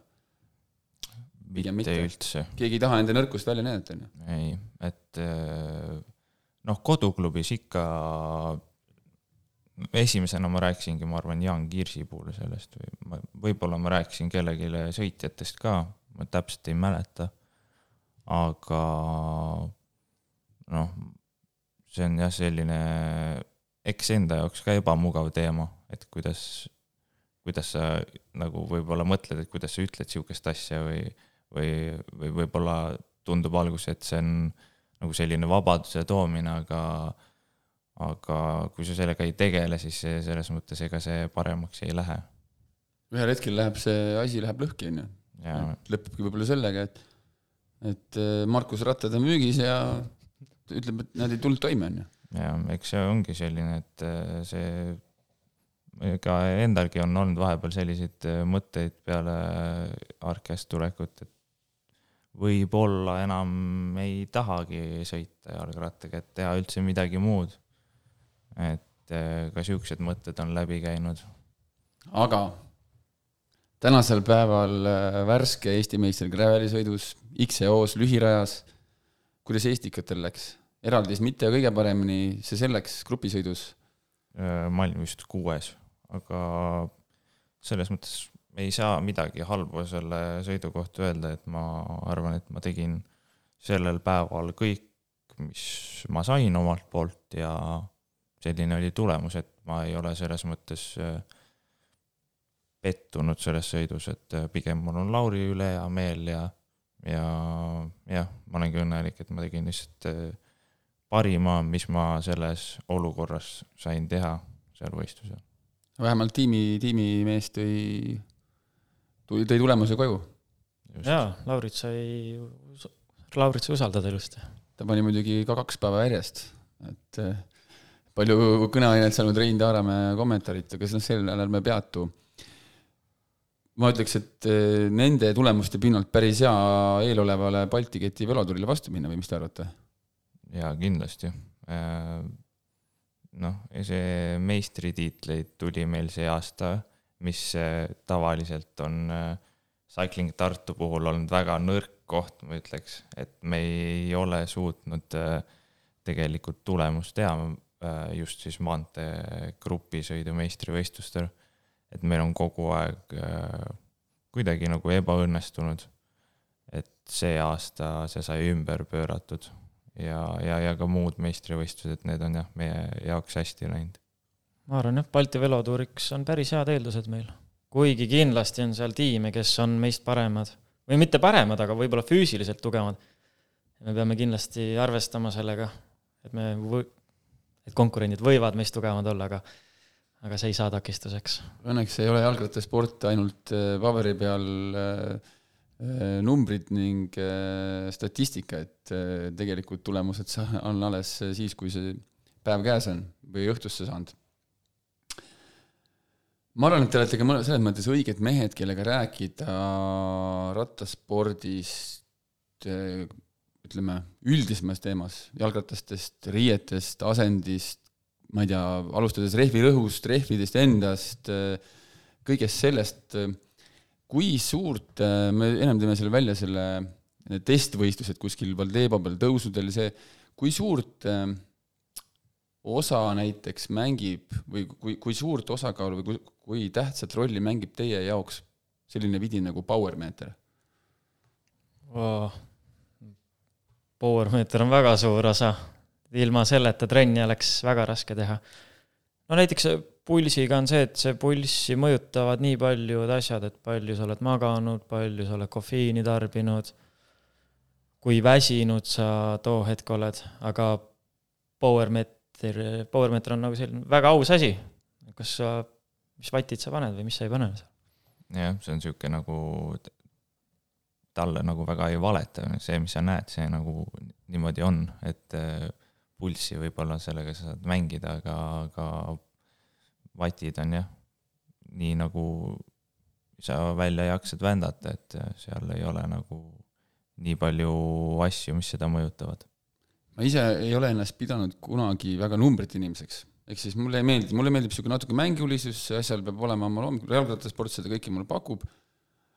ma pidin, ähm, ütleme siis, et, et ostsin uue ratta, uuel rattal powermeetrid peal pole, lähen trenni ja tunnen, et midagi on puudu. Powermeetrid, noh, et midagi on nagu puudu.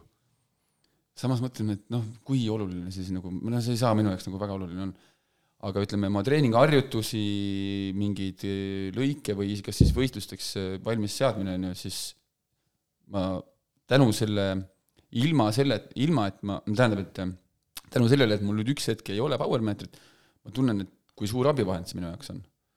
Et ma arvan, et see teie selliseks, noh, sa ütlesid, et Markus Nõmme, et noh, et niisugune power data, kõik tiimid, kui tahate, ütleme, kuhugi ennast midagi näidata, siis see on esimene asi, mis lahti võetakse.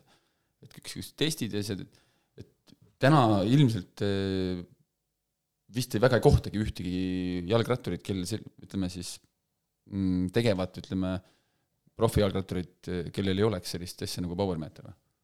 enamustel ilmselt on, või tähendab, noh. Et on. igal, igal tõsisel profiratturil on ja, kindlasti. jah, et äh, mul näiteks ei ole igal rattal praegult, et Graveli rattal mul seda ei ole, aga aga noh, jah, minu puhul on ka see, et ma teen enamus trennid maanteerattaga ja graveli rattaga ma ei tee lõike, et ma võistlen ainult. mul on graveli rattal ka. isegi bikepackingu ajal on äge vaadata, et kui palju ma täna tööd tegin. Mitu kilotšauli kulus ja. et Siim on minu jaoks täiesti, noh, täiesti teine, teine, teine vend, mina just absoluutselt, ma panen trenni kinni, kõik ainult vaatan neid asju, mida siis korra, mis siis seal sai tehtud, aga see noh, ütleme mingi lõik või mingi harjutused, saan endaga võrrelda, et mis seisus olen, aga ütleme niisugune, ma alles tegelikult minu arust sain mingi kuu aega tagasi teada, mis tähendab normalist power. sest ma ei ole seda enda jaoks, ma ei ole seda enda jaoks üldse nagu tähtsustanud, et milleks mulle see teadmine. Ja ma ka väga palju analüüsin ja, ja vaatan selles mõttes ikkagi, et äh, need on põnevad asjad, kui äh, nendest äh, hakkab nagu üks hetk äh, mingi arusaam tulema ja, ja seal, kui sa näed enda arengut äh, läbi nende numbrite, siis äh, see tegelikult äh, teeb ka nagu meele rõõmsaks. kusjuures ma enne ostsin raamatu How to train with power meter, enne kui ma power meetri üldse ostsin. jõudsin raamatuga poole peale, siis ma olin isale, et kuule, palun, palun osta mulle see et sellega saab nii palju asju analüüsida. sa ei ole tavaline mees, sest tavaliselt ikka ostetakse ära ja siis hakatakse vaatama, mis saab, et sa võtsid põhimõtteliselt kasutusjuhendi ennem selle asja endale soetamist. jah, äh, muuseas, ma sain oma esimese Powermetri üheksa aastat tagasi, et siis need olid kallimad ja neid, see ei olnud mainstream. Ja siis oligi, et noh, ma pean kuidagi isale ära ka selgitama, et miks ta peab nii suure investeeringu tegema. Mm.. jah, minul oli sarnane, sarnane teema äh, aga mul oli niipidi, et eh, kuna ma tahtsin eh, ka siis hakata targemalt treenima, siis eh, minu ema leidis läbi interneti sellise treeneri nagu Karmen Reinbold ja kes siis nagu soovitas soojalt, et, et power meetri olemasolu aitab väga palju kaasa sellele kõikidele treeningu analüüsimistele ja nii edasi, siis ma hakkasin Karmeniga koostööd tegema ja siis natuke hiljem siis sain ka power meetri, et mul jooksis see niipidi, et jah, ka alguses oli, ma hakkasin juba koostööd tegema enne, kui mul siis see power meeter oli. kusjuures ma hakkasin äh,, mul oli see, et äh, mul vahepeal oli Jungades oli Oigis treener, Andrei Lebedev, siis läksin Prantsusmaale, sai Prantsuse treener, aga väga ei klappinud temaga. ja siis äh, käisime Indrek Rannamäe juures testimas, siis Karmen Reinbold oli ka seal, aitab äh, neid teste läbi viia. nüüd ta vist ongi ise see põhi läbiviija testidel või midagi. ja siis hakkasin Karmeniga rääkima nendest Powermetri raamatutest. ja siis ma sain aru, et aa, okei okay,, Karmen on ikka väga tark, et ja sealt kuidagi hakkas Siim jooksis oma kilavate silmadega koju, isa enam ei saanud vastu panna, tuli ära osta. Powermeeter oli enne olemas ah., aga mul ei olnud treenerit, kes Powermetri põhjal oleks mingeid äh, trenne teinud. et siit ka minu järgmine küsimus on see, et tegelikult on see numbritega elamine ju teisest küljest jälle stressirohke. kui sa ei oska neid numbreid enda kasuks nagu pöörata, on ju, nendega nagu ennast analüüsida, äh, ennast kuidagi edasi viia siis kiputakse jälgima teisi, ma ei tea, siis tiimikaaslaseid või sõpru või konkurente, on ju, ja sellega endale justkui nagu lisastressi tegema, et näiteks lähed enne Eestikat eraldi starti, on võib-olla siin Filteri temposarjas mingi võistlus, on ju, kus konkurent sõidab kakskümmend vatti rohkem kui sina, ja siis sa tegelikult ei suuda enda jaoks seda ära ekseldada, seda, et noh, et võib-olla isegi kaotasid talle, on ju, ja sa lähed juba kuidagi negatiivse juba sellise nagu võtad sealt endale negatiivsuse kaasa, lähed Estikat startis juba jälle see on jälle see, nagu me siin ennem rääkisime, et niisugune negatiivne sisend, lähed starti, siis ma olen juba eos juba kaotanud. no mina olen eraldi starti kogu aeg nii võtnud, et võiks nagu enda parima tulemuse teha, et sõidad iseenda vatid üle, et see on kogu aeg eesmärk olnud. ma just mõtlen seda, et noh, et, et teisest küljest võib-olla, et noh, et kes, kes suudab ja kes tahab ja kes kasutabki seda selleks, et seda enda kasuks tööle panna ja mõne jaoks võib olla see ka nagu takistus. jaa, ma usun küll, et paljude jaoks on see tegelikult häiriv teadmine, kui nad teavad enne starti, et nende konkurendid on palju tugevamad kui nemad ise. ma olen sellega nõus jah, et, et seal tulebki endale väga selgeks teha, et power meeter ongi selle jaoks, et sa arendaksid ennast, mitte ei nagu võrdleks ennast teistega.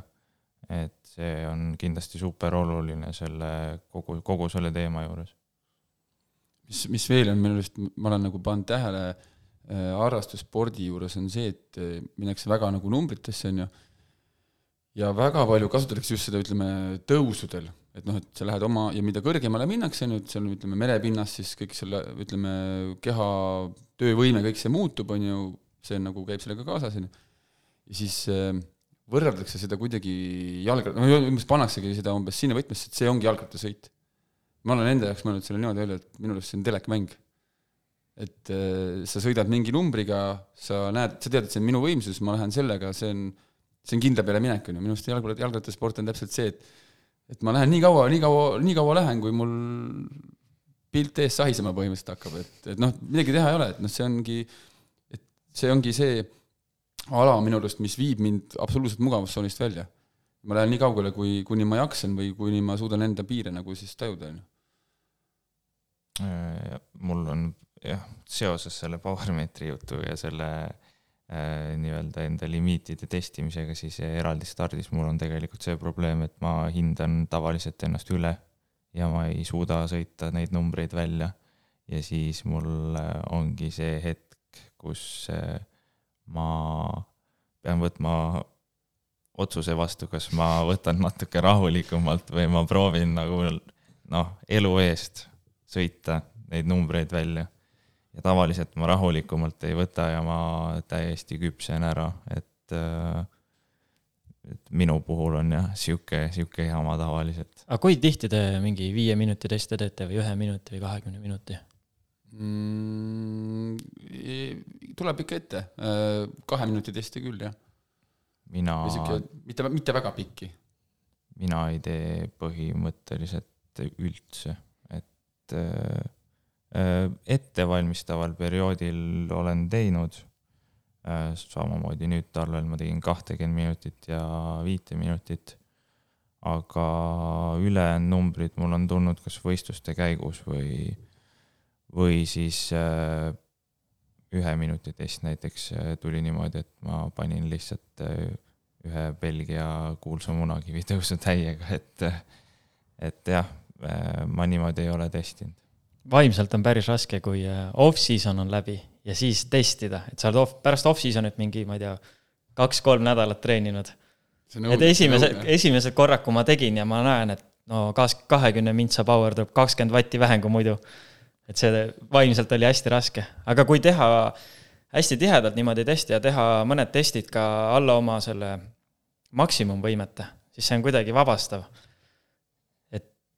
Ma ei tea, näiteks ongi novembris teen kakskümmend vatti vähem kui muidu, siis äh, kevadel teen, siis saan juba jälle nagu tõusta kui Markus tõi ennem välja selle, et, et hirm võistlemise ees või ütleme, noh, et ütleme, et kas ma suudan siis ütleme oma resultaati välja sõita, siis mul on olnud ka mingi tõrge selle ees, et trennis mul on mingid harjutused, on ju, mingi näiteks lõik, on ju, kolm lõiku, ja mul on mingi ärevus nende ees, et ja. ma ei taha seda teha või nagu, aga sellel aastal ma olen kuidagi mõtestanud selle, et mis see vahet, ma hakkan lihtsalt, mis siin olla saab, sa paned oma selle läbi ja hakkad minema. Ja tegelikult äh, see ka jälle mingi üle mingi piiri minemine, on ju. ja see, see on okei okay fail ida, et kui sa fail idki ju, siis sa nagu andsidki endast äh, maksimumi. Ja ei saa kogu aeg eeldada ka, et iga test sa paned mingi uued, äh, uued rekordnumbrid. kuigi, kuigi tahaks, on ju. jaa, kõik kuigi... tahavad, iga kord, kui nad lähevad mingit testi tegema, nad on, ei, ma teen nüüd uue rekordi. kurat, mul on hea meel, et ma ei ole üksinda nendes olukordades ma võin öelda, mul on väga palju teste, mis on alla rekordnumbrite see ärevuse asi ka minu jaoks on täiesti normaalne, et ma olen samamoodi seda aktsepteerinud, et mul ongi ärevus ka trenni lõikude ja testide ees, et äh, ja kõige suurem ärevus on mul laboritestide ees, see on, see on täiesti kohutav.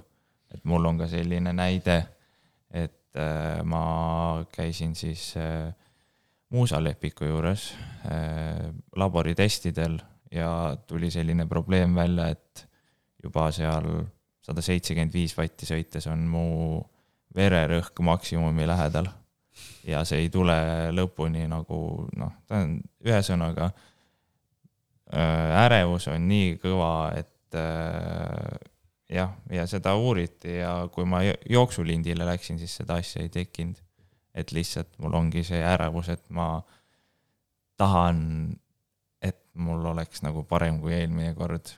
Äh, ja noh, eks iga inimene tahab, aga, aga seda peab ka nagu õppima kontrollima natuke, et see ei ole alati positiivne asi. Ma käisin see aasta Karmeni juures testimas, pärast seda, kui ma olin Covidis olnud, nädal aega olin terve, siis oli gripp või midagi, siis läksin testima ja tegin ülikehvad numbrid. ma juba enne, enne testi ma räigelt muretsesin ja olin ärevil ja see oli vaimlaselt väga raske, siis tegin ka väga halva testi. jah. ma näen äh, näiteks äh, harrastussportlaste seas väga tihti seda, kuidas võistlus tehakse eelmine päev ära. Võisteldakse enda peas, võisteldakse eelmine päev ära, et äh, noh, neid näiteid on tegelikult kümneid, võib-olla isegi sadu, on ju, et on, on teil sellist olukorda olnud, et ütleme, et ma ei tea, jah? minul noorena oli kogu aeg päev enne võistlust ma oma peas ketrasin, kuidas see sõit võiks kulgeda. ja jumala tihti oli see, et ma ei saanudki hea tunda. nüüd on, nüüd on see, nüüd ma olen kuidagi leppinud, nüüd ma, ma ei tea, loen raamatut enne magama minekut, et saaks mõtted eemale. Et üritan mitte mõelda rattavõistluses ka. mul on seoses selle äh, nii-öelda tulemuse tegemise ärevusega ka neid hetki olnud, kus päev enne võistlust ma võib-olla võib öelda jah, et ma olen selle sõidu nagu ära teinud juba selle ketramisega oma peas. et see ei ole kindlasti jah, hea asi. minu puhul on tavaliselt see, et ma tunnen järgmisel hommikul, et mul on jalad valusad, sellepärast et ma olen äh, siis öösel unes oma jalalihaseid pingutanud põhimõtteliselt niimoodi, et mul on järgmine päev need valusad. ja see on ka nagu just tänu nendele, et ma enne magamaminekut mõtlesin, ma ei tea, kuidas, kuidas ma võistlusel midagi teen ja siis ma lihtsalt, keha on nagu terve öö aktiivne ja hommikul ärkad üles, saad aru, et no natuke läks sellega pahasti. mul oli üks äh, selles, selles teemas üks kõige parem mälestus on see, kui oli kaks tuhat üheksa, kaks tuhat kaheksateist ja Otepääl oli poolpika Ironman ja ma olin enda arvates nagu noh, enda, enda mõistes päris heas konditsioonis. ja mul oli enda jaoks välja mõeldud mingi resultaat, mida ma sealt siis saavutada tahan. et see oli siis medal e, e, enda vanusegrupis ja, ja ma mäletan lihtsalt seda närvipinget, mis oli terve eelneva päeva, õhtu öö. ma käisin, e, ma julgen öelda, kümne-viieteist minuti tagant WC-s. Siis mõtlesin lihtsalt, et kuule, et palju seda vedelikku kehas olla saab, et noh, et kui, kui ma nii tihti WC-s käin, no mis asi see on, see närvikava on lihtsalt nii pinges mm,. sealt edasi ei ole sellist asja enam tõenud, aga, aga, aga ikkagi võib-olla hooaja esimestes võistlustel on seda rohkem nagu, rohkem nagu tunda olnud või tajuda, et aga, aga kogemust kindlasti, ma arvan. et mida, mida kogenuks saad, seda, ega see ongi see, et ega sport tegelikult õpetab ju mm. -hmm. no nüüd on jah, kogemusega ei, ei muretse enam nii palju päev enne võistlust ma ütlen, noorena oleks võinud küll keegi kuidagi juhendada, et seda ärevust maha saada. ma mõtlen, päris palju magamata öid äh, oli mul noorena. mul kusjuures noorena nii väga ei olnud, et aga jah,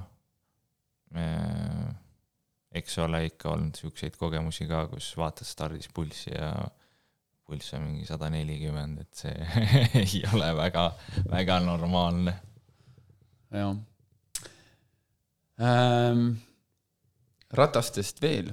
Siim, äh, sina oled, äh, me oleme tuttavad vist natuke üle aasta, poolteist aastat, me sattusime ühte laagrisse äh, Olivas, Hispaanias ja siis minul oli, minul, ma teadsin nime Siim Kiskonen, lähen, jõuan siis sinna korterisse, vaatan, Siim Kiskonen äh, kaasas hunnik tulaessi kette ja mingi supipott, millega ta seda vaha seal keedab, et räägi, räägi, räägi sellest. Äh, sellest on saanud sinu üks niisugune võib-olla isegi kinnisidee ning kirg, et, et sa tegeled selliste peennüanssidega, et mis jalgrattaspordis kiireks teeb.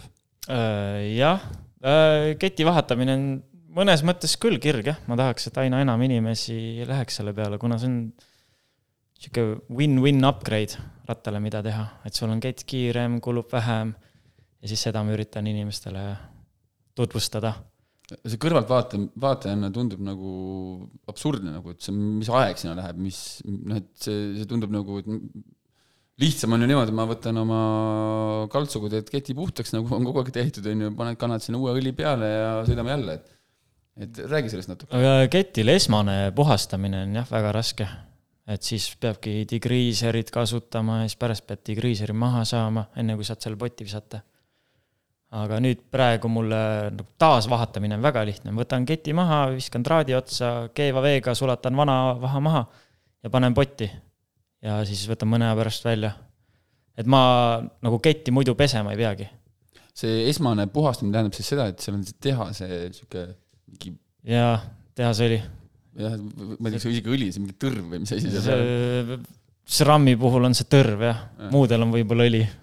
et see on kohutavalt aeglane ja halb käiguvahetussüsteemile äh,.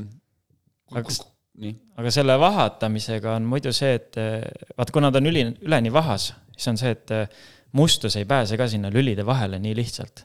et graveli sõidul ka, et see tolm ja liiv ei lähe lülide vahele. Aga, aga mis mm,, ma mõtlen, et nagu keti puhul Äh, mis teeb ühe keti aeglaseks, kas keti teeb aeglaseks see, et seal on võib-olla natuke tugevama hõõrdumisega määre peal või tähendab see seda, et kett on must ja mustus võib-olla teeb selle asja aeglaseks? mustus teeb kindlasti väga palju aeglasemaks, see on jah number üks asi. ja tavaõli puhul on ka see, et see mustus läheb sinna õli sisse ja siis mustus koos õliga läheb lülide vahele, siis see lähebki aeglaseks. Ja siis tekib hõõrdumine, kuluvad ka osad, on ju, lõpuks yeah. mõjutab ta ka rahakotti jah, et kui su kett ei kulu, siis tähendab, et sul on ilmselt suht kiire õli või vaha seal peal. mitu meest praegu Tartu tiimis sõidab vahetatud ketiga? kolm. kolm Tallinna meest, mina, Markus ja Lauri mis need üle, millega need ülejäänud sõidavad siis e...? ma arvan, et äh, selle vedelavahaga või? Enamasti äkki vedelavahaga, ma ei oska päris täpselt. mõnel on ükskõik, aga tead, mõni on nii tugev ka, et neil ei ole vahet ka sa mõtle Aleksi peal, ta FTP mingi sada vatti rohkem kui mul, tal on nagu suht ükskõik, mis tal seal keti peal on. no ma, mina olen näiteks selle,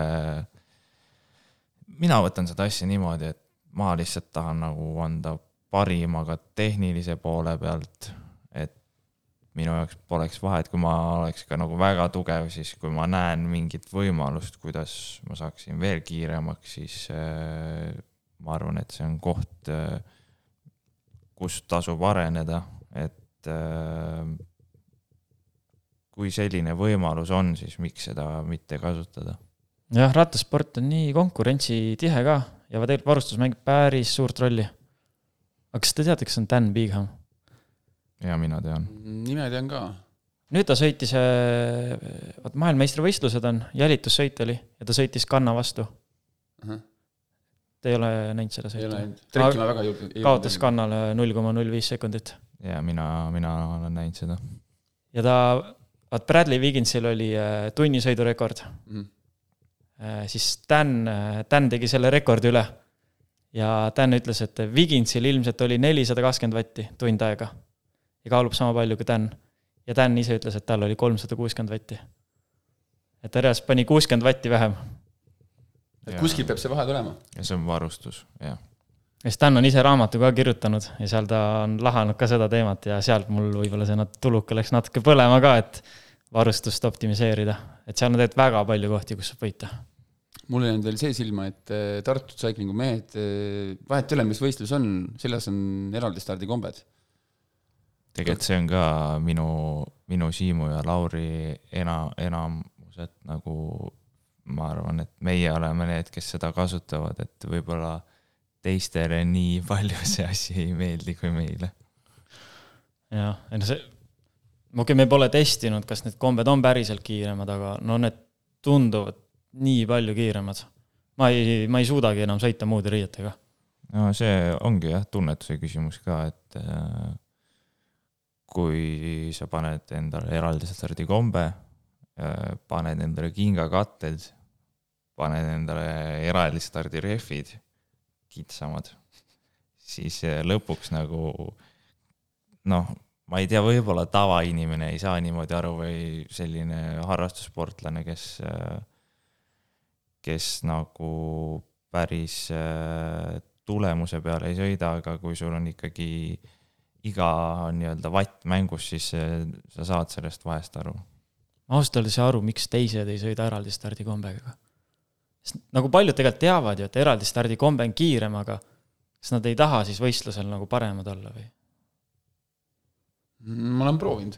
minu jaoks on tekkinud selle takistus see, et äh, näiteks ma ei tea, kriteeriumis või, või mõnel maanteesõidul, et kui mul ei ole, ütleme, toetavat personali, et kus energiat saada, siis kuhu sa eraldi stardikombe puhul näiteks keelid paned? sellega on selja peale või kõhu peale. või teed numbritest taskud. jaa et kunagi, kui me sõitsime kaks tuhat üheksateist Cycling Tartus, siis me sõitsime enamus hooajast eraldistari kombedega ja me tegime numbritest taskud endale. et see on ka üks võimalus. Kusjuures ma vist kaks tuhat üheksateist Cycling Tartu eest tegin kõik võistlused eraldi stardikombega. mina samuti, ma arvan, et noh, üheksakümmend protsenti maanteevõistlustest küll. ma olen vist Junga, Jung-, Junga klassist saati teinud kõik võistlused eraldi stardikombega. siis nagu, kui eraldi stardis kasutad seda, siis see peaks kiirem olema. miks ma peaks aeglased riided panema grupisõitu? aga see jah, äh, numbri, numbrites saab taskud teha ja sinna saad keelid panna. kuigi see tundub ju täielik kuritegu ju haaknõeltega minna eraldi stardi kombe kallale või? see kombe näeb suht inetu välja küll yeah.. aga võid teise kombe osta no rattad on tegelikult nii kallid juba, et äh, see üks kombe juurde osta, see ei ole väga kulukas. et noh, numbri tasku peale muidu jah, väga ei ole ilus panna. Äh, noh, praegu on ka see tee, see teema, et äh, kuna enam ei tohi numbritaskuid kasutada maanteegrupi sõidus, siis peab numbrid panema haaknõeltega ja kuna enamus või noh, kuna vähemalt meie eraldi stardikombed tulevad numbritaskutega, siis, äh, siis äh, jah, peab neid nagu natuke seal nõeluma. Kui, kui veel äh, kiiruse peale mõelda, siis mm, kui ma vaatan grupisõitu näiteks, ma ei tea, vaatan äh, kriteeriumisõite, sõidab seal Tartu tiim, kõik on sellised heas asendis, ilusti kombed, kõik on kiired, on ju, ja siis on Siim Kiskonen, kes on pool meetrit madalam. kuidas sellise asendiga noh, ütleme, et ma saan aru, et sa oled enda jaoks selle mõtestanud seda, et sul võib-olla on, on power'it veidi vähem, siis sa viid endast sinna olukorda, et ma pean olema siis vähemalt madalam ja tegema endale selle asja lihtsamaks, et et kuskilt maalt see asi siis üht-, ühtlustuks, et ma olen nagu teistega siis noh, ühesõnaga jah, samal tasemel jah, ma olen nii väike, et see on mõnes mõttes isegi ebaloogiline, et ma sileda peal nii hästi sõidan. aga jah, kuidagi ma olen sileda peal nii kiireks saanud. aga see asend, mis mul on maanteka peale, selles asendis ma ei suudagi väga palju vatte panna. Aga samas ma olen ikkagist selles asendis kiirem kui see, kui mul oleks niisugune väga mugav asend, millega ma suudaks palju vatte panna, aga siis ma lihtsalt olen aeglane. Ma ütlen seda, et sellise asend-, ma noh, ka mina võiksin sellise asendi endale kuidagi sinna panna, on ju, noh, teine asi on see, et ma selles ei suudaks absoluutselt sõita, et, et kas, kas sellise, sel-, ütleme, et rattaasendite puhul ja seda, neid asendeid arendada, selle, sellel puhul olete te ka näiteks iseendaga eraldi vaeva näinud, ma ei tea, näiteks mingi võimlemine või või mingid asendid või näiteks rullidel sõitmine mingis konkreet- või süvalihased, et ma trennis vahepeal niisama harjutan ja siis võistluste ajal ka harjutan.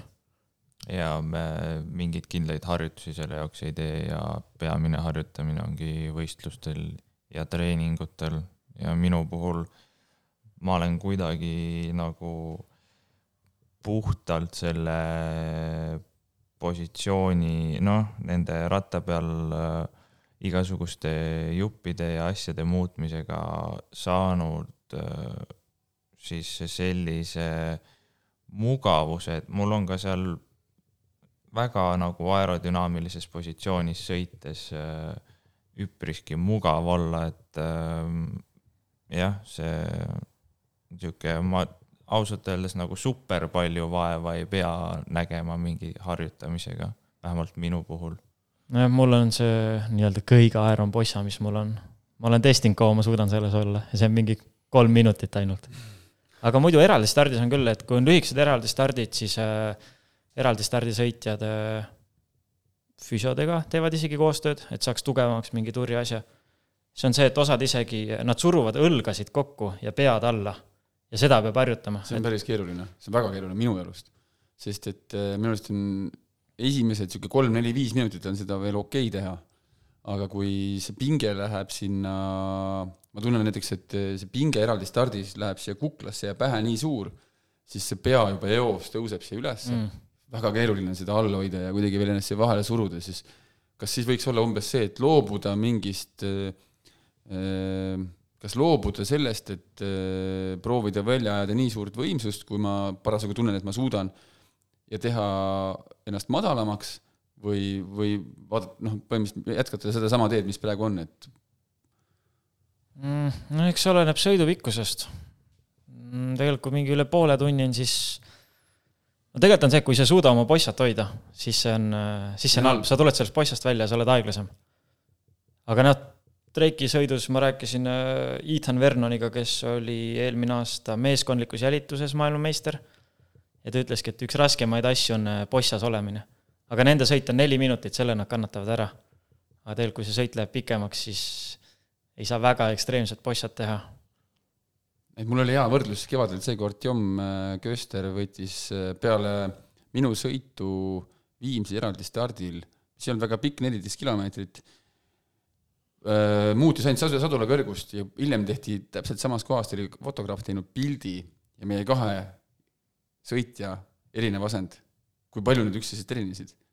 et rattaasend täpselt sama, võib-olla ta seal muutis sadula kõrgust võib-olla viis millimeetrit, on ju, aga kuidas tema suutis selles asendis olla ja milline mina seal välja nägin, okei okay,, meil on väga suured kehalised esiarendused, mina olen kõvasti suurem äh, ja tulnud jalgrattasporti hakanud sõitma oluliselt hilisemas eas, temal võib-olla taust ka mingi võitlus, võitluskunst ja nii edasi, on ju, aga lihtsalt see näitab nagu ära, et tema oluliselt madalama võimsusega ta õnneks kaotas kaks sekundit aga lihtsalt, et see näitas seda ära, et, et kui palju ta pidi nagu vähem energiat ja jõudu sinna rakendama, et tegelikult sama kiiresti sõita, on ju. et äh, see oli päris hea nagu ütleme, minu jaoks nagu valgustus, et umbes, et näed, et et noh, et jah, et, et tegelikult on, see asend on hea, on ju, aga, aga tegelikult jääb mul enda taha, on ju. ei, kindlasti peab vaeva nägema selle asendiga. jaa, et äh, kui ma kaks tuhat kakskümmend aastal äh, esimest korda siis sain põhimõtteliselt enda eraldi stardiratta, siis ma sõitsin ilma suurema seadistuse pealt oma ilmselt elu parima eraldi stardi ja mul ei olnud väga hea positsioon rattal, aga äh, ma suutsin nagu väga head võimsust välja panna, pärast hiljem üritasin saada poissad paremaks, ma ei tea, langetades seal lenksu ja mis iganes. Äh,, siis ma tegelikult lõpuks kaotasin võimsuses suhteliselt palju ja ma ei, ma ei saanud äh, ei, ilmselt oleks kiiremini sõitnud selle mugavama positsiooniga, aga see on ka suuresti sellepärast äh, ei töötanud äh, see madalam lenksi asi, et ma ei harjutanud selle rattaga sõitmist. et äh, see on jah, väga, väga palju faktoreid on seal teemal, ma arvan. no see Bossa teema on küll keeruline, siin väga see, raske see... midagi kindlat öelda, väga personaalne, aga on palju asju äh, palju asju, kuidas muud moodi saab kiiremaks sa võid alati panna kiired rehvid, kiire keti, sama need aerocoach'i pulgad. ei, aga see on katsetamine, et äh, ma arvan, et näiteks kasvõi see võtagi see, noh, selge see, et kiire kett, äh, paremad rehvivalikud, õige rehvi rõhuvalik, niisugused äh, detailid kindlasti teevad kiiremaks ja aitavad nendega tegeleda ja see annab kindlasti mingi väikse eelise, on ju. või noh, eelise aga et ütleme nüüd kindel mingi toode, ma vaatasin näiteks siin MM-il eraldi starti, ma vaatasin näiteks võitis Eventpoel on ju, ma vaatasin seda lenksu, pagan, ma tahaks seda lenksu proovida on ju. et noh, et või noh, et noh, et noh, et seal on nagu need eri, erilenksud on ju, mis on nagu spetsiaalselt nendele sõitjatele tehtud, see näevad lihtsalt äh, nii ägedad välja ja tunduvad nii nagu sellised, noh, et see võiks aidata, on ju. aga no pagan, see lenks, ma ei tea, mis ta maksab, on ju, et siis, et nüüd proovime see pärast endale see korra, korra hankida ja vaadata, et ei sobinudki, ka nagu ei tundu mõistlik. no ilmselt on muid kohti, kus, kus sul on praegu on veel rohkem võita kui see Evenepoeli lenks seda küll, jah. et eks siin tuleb peeglisse ka vaadata ähm,. üks sihuke müüt ka, et äh, rehvi laiused mingil hetkel, kunagi sõideti, ma ei tea, kahekümne üheste rehvidega, siis tuli kakskümmend kolm, kakskümmend viis, see tundus juba nagu, ma ei tea, paigirehv, kakskümmend kaheksa, nüüd mõned vennad sõidavad kolmekümnestega mis on teie arvus selline optimaalne rehvi laius, te ütlesite, et sa ütlesid Markus ennem, et kitsas, kitsam rehv. Äh, mina, see oleneb väga palju sõidust äh, ja millisel noh, kui maanteesõidu kontekstis võtta, siis äh, milline on teekate ja, ja nii edasi, et muidu ma ütleks, et enne kui me läksime Poola tuurile, ma olin kindel kahekümne viie mees ja peale Poola tuuri ma mõtlesin, et ma sõidaks pigem kogu aeg igaks juhuks kahekümne kaheksaste rehvidega, sest äh, sealsed teeolud olid sellised, et äh, sa mõtled, et sa, et see ei ole nagu väga suur kaotus, kui sul on kitsam rehv, aga tegelikult äh, veidi laiem. see vibratsioon ja, ja, ja., et sa nagu väsitadki puhtalt ennast sellega lihtsalt, et, äh, et see teekate on halb ja, ja, ja noh, sa võid proovida seda rehvi rõhuga parandada, mingil määral kindlasti aitab, aga, aga jah, seal ilmselt oleks mõistlik olnud meil sõita tegelikult laiemate rehvidega, vähemalt minu arust. see on ja mulle endale tundub ka, et kahekümne viiene rehv võib jääda kitsaks no Elvas ma sõitsin näiteks, äh, ma ei tea, rõhk oli viis, viis koma kaks barri ja ma tundsin, et äh, raputab päris palju ja kui sa tunned, et raputab palju, siis ongi see, et et päris palju energiat läheb sellega kaotsi, et äh, see rapub. aga aerodünaamika mõttes on see, et jooks peab olema laiem kui, kui kumm. jah. mulle jah, kunagi Sigvard Kukk selgitas selle ära, et, et ega ratas liigub ainult siis edasi, kui ratas puudutab maad ehk siis kui töö käigus ütleme siis äh, jooks on maast lahti, see tähendab seda, et ratas teeb tühja tööd. ehk siis see veerevus peab olema tegelikult see, et ratas peab olema võimalikult palju maaga kontaktis, et tekiks siis edasiliikumise no ta peaks jah, sujuvalt ilmselt üle nii, nii kui ta raputab ja hüppab, on ju, teiseks on siis see muidugi energiakulu, mis sul endal tekib. et äh, see kadu tekib lõpuks seal sellepärast see suurem rehvi rõhk äh, ei ole kiirem ka, et sul läheb nii palju endale energiat kaotsi. kui ei ole siis just mingi peegelsileda peal, on ju, peegelsileda asfaldi peal, siis ja. tõesti et ma ise olen see aasta päris palju nende kummirõhkudega mänginud. et Tour of Estonial ma panin, panin rehvide ette kakskümmend kaheksa, taha kolmkümmend ja rehvi rõhu panin kolm koma üheksa ette ja kolm koma kuus taha. See, ma ütlen, see asfaldi peal, no ujus veits juba mm., aga sõidu ainuke tähtis osa oli munakivi ja seal ma veeresin väga hästi. ja Tour of Estonial mina tegin esimesel etapil ilmselt äh, sellise lükke, mida ma arvan, et väga mitte keegi teine ei teinud, ma läksin üpris madala rõhuga, kuigi enamus etappi on ju tegelikult äh, hea asfaldiga ja seal nii-öelda peaks kaotama pigem, siis ma paningi madala rõhu, et ma oleks just finišis kiire. Et ma sõitsin vist nelja poole barriga, midagi sellist, mul olid äh, kakskümmend kaheksa rehvid, mis venisid kolmekümneks. et võib-olla jah, ma kaotasingi selle esimese osaga, aga luges see, mis sa finišis teed, noh, ja seal ma tundsin, et mul oli nagu väga ideaalne rõhk, et seal seda, seda vatti välja panna. ma tundsin, ma hävisin too, too päev finišis küll. rõvedalt äh, rappus seal ja no ei liikunud ma üldse munakivile edasi järgmine päev oli sama munakivi, panin laiad rehvid, madal rõhk ja hoopis teine minek. ma panin Estikatel see aasta, kui olid Leedus Estikatel ring munakivi, kohe juba teadlikult sama asi, mis praegu Markus rääkis, et parem olen sileda peal natuke aeglasem, aga just selle, panen munakivile rõhku, et äh, madalama rõhuga ja mis juhtus, oli see, et esimese ma arvan, esimene kivi, mis sealt nurga pealt äh, munakivi sektoril vastu vaatas, ma panin oma rehvi läbi, et äh, ja sõit oli katki, et, et noh, maksab, maksab kätte jälle, et noh, et liiga äärmusesse ka minna ei saa, on ju. aga no eks see ongi katsetamise asi, lihtsalt parasjagu loll üritus, et see kuskil tiitli või noh, meistrivõistlustel on juhtub. mis rõhk ja rehvid sul olid?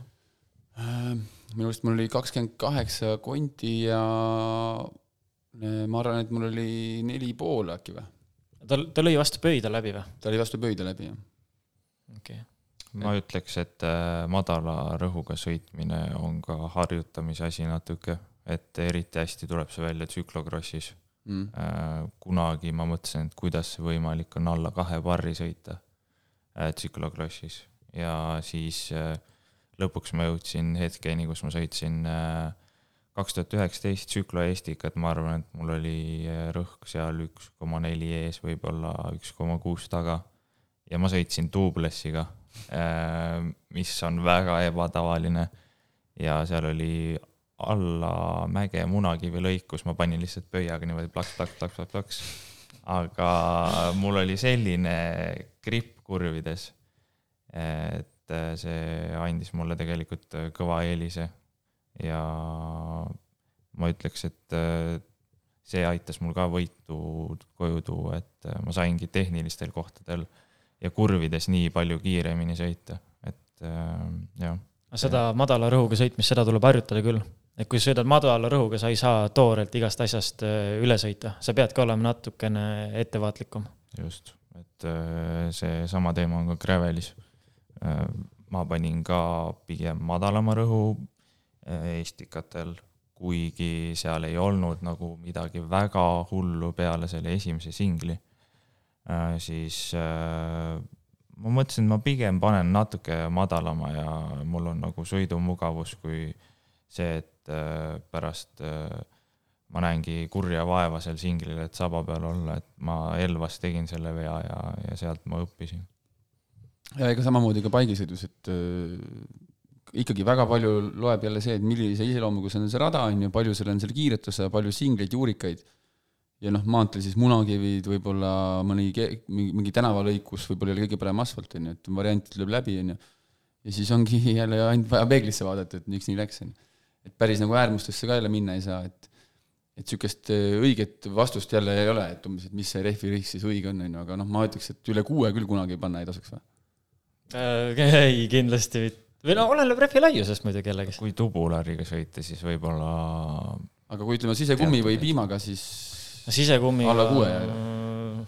sisekummiga on see oht, et ta lööb suht kergelt selle kummi no aga üle kuue või kui ütleme kuuega sõitad, siis seda kindlasti ei juhtu ju. kahekümne viiese rehvi puhul. võib-olla, ma ei tea. see sise, siserehviga on alati riskantne sõita, et ma ei tea, mul, mul on trennis, ma olen nüüd see aasta suht palju siserehviga sõitnud, ma sõidan äkki enamus trenne seal nelja-viie barri vahel ja ja ma arvan, et ma olen ka trenni olnud, kus ma olen kogemata kahe barriga läinud, sest ma ei jõudnud pumbata, aga, aga mul ei ole rehvi läinud, et äh, aga, aga seal peab jah ette vaatama, et natuke rohkem kui, kui, kui duublessiga ja tubulariga. ja ma usun, et siit äh, sai päris mitu inimest said endale sellise äh, mõttekõlksu küsimusele, küsimustele, ma ei tea, mida võistlustel selga panna, mis, mis rehvi äh, valiku ja rõhuga ja kuidas kiiremaks saada. Äh, teil on ees, selja taga on päris korralik kalender olnud, siin Siim rääkis äh, eduka, või te rääkisite po, edukast Poola tuurist, äh, samamoodi siin Estikad ja Eesti tuur, ees ootab järgmine nädalavahetus Balti keti velotuur. Sõidate Tartu tiimi eest. milliste ootustega peale lähete? võidu ootustega mm,? võiks võita. Markus võiks oma esimese võidu kätte saada. tüüp ikkagi pro-tuurist on tulnud, et nagu oleks aeg mul on äh, sihuke tunne, et Markuse ees on natuke hirm, mul on sihuke tunne, et tüüp on omale kaane niimoodi maha saanud, et siit lihtsalt hakkab tulema no.. võidab mitu etappi ja kokkuvõte. Äh, ei no ma ei tea, lihtsalt mulle tundub, et mees on õigel teel, et äh, mandlid said lõigatud, emotsioon on hea, tiim töötab, endal ka pea on klaar, ma arvan, et see on ka ainuke asi, mida vaja on, et häid tulemusi tulla ja ma väga naudin praegu, et äh, ootan huviga seda Balti tuuri. et see on äge et.... mul on ka põnev veel. et Eesti, seal on siis vastas on veel Eesti tiimidest on vaid koondis, jah? ja, ja., ja koondis on väga tugev. Koondis on väga tugev, liidriks äh, juba ennem välja tulnud Norman Vahtre. Äh, jutu järgi küll, aga ega tegelikult kunagi ei tea enne sõitu, ma ütleks, et niimoodi liidrit paika panna, see võib olla niisugune taktikaline lüke. absoluutselt, keegi oma tugevusi ja ka nõrkusi ju kõva häälega välja ju visata ei taha. mina ütlen ka, et seal kindlat liidrit pigem ei ole praegu. kuigi jah, okei okay,, eelistataks Normanit mm,. aga, aga sealt edasi kalender, tuleb veel midagi või, või hakkab selleks aastaks kokku saama või? Äh, jah, lähme pärast äh, siis meie lähme septembris Siimuga, aga noored lähevad äh, augusti lõpus ära ja siis neil on äh, Flanders Tomorrow Tour vist mm. -hmm. ja siis meil on mingid Prantsusmaa ühepäevasõidud ja veel EM ja ühesõnaga septembrikuu me oleme enamasti välismaal. jah, mis on mõneti kurb, sest samal ajal on Tartu rattamaraton ja Tour of Vikings Eestis, et hooaja suurimad äh, graveli sõidud. mul on ainult hea meel, et teid Tartu maratonil pole, mul jälle üks koht eespool, kaks, kaks kohta eespool, et. võib-olla sõidukulg on ka natukene teine siis äkki. no jah, mul läks kohe nagu närule, mul, minu jaoks muidugi Tartu maraton ja just möödunud nädalavahetusel olnud gravel. tea, avastasin minu jaoks gravel fantastiline asi, et äh, fantastiline distsipliin, adrenaliini palju, ma ei tea, mulle tundub, et see sobib ja kuidagi vaheldusrikas ka, et jaa, ma teistelt inimestelt olen ka kuulnud, et äh, Gravel ikka pakub emotsiooni. et siin äh, Rait Tärm ka ütles, et, äh, et noh, ei, ei, ei oleks osanud võib-olla oodata niimoodi või, või ta tundus kuidagi väga jah, sihuke positiivselt üllatunud sellest Gravelist. mulle meeldib kuidagi see, et stressi on natukene vähem, et pannakse rohkem jõuga asjad paika.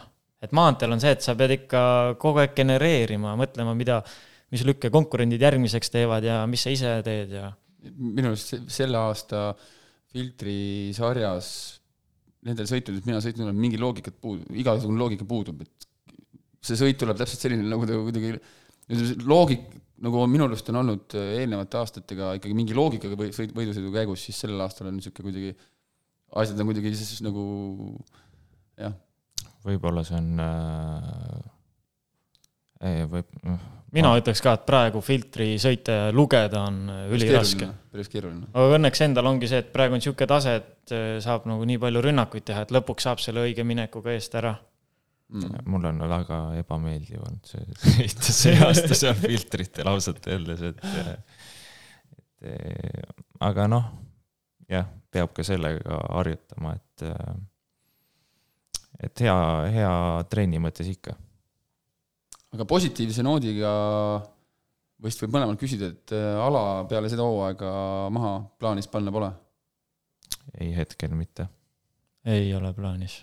Sest Siim Kiskonen minu arust tuli Prantsusmaalt tagasi plaaniga midagi muud tegema hakata, aga näed, on siin niisuguse hingamise saanud, et äh, läheb aga lepase reega edasi. jah, no järgmine aasta ma lõpetan kooli ära, et siis on, siis on vähem aega. ülejärgmine aasta ilmselt ei saa niimoodi trenni teha. järgmine aasta ma usun, et veel saan. see on väga hea, see on väga hea positiivse noodiga see saade kokku tõmmata, ma arvan, et see on tegelikult eh, meie saadete ajaloo kõige pikem saade. ja me ei jõudnudki triatlonist rääkida.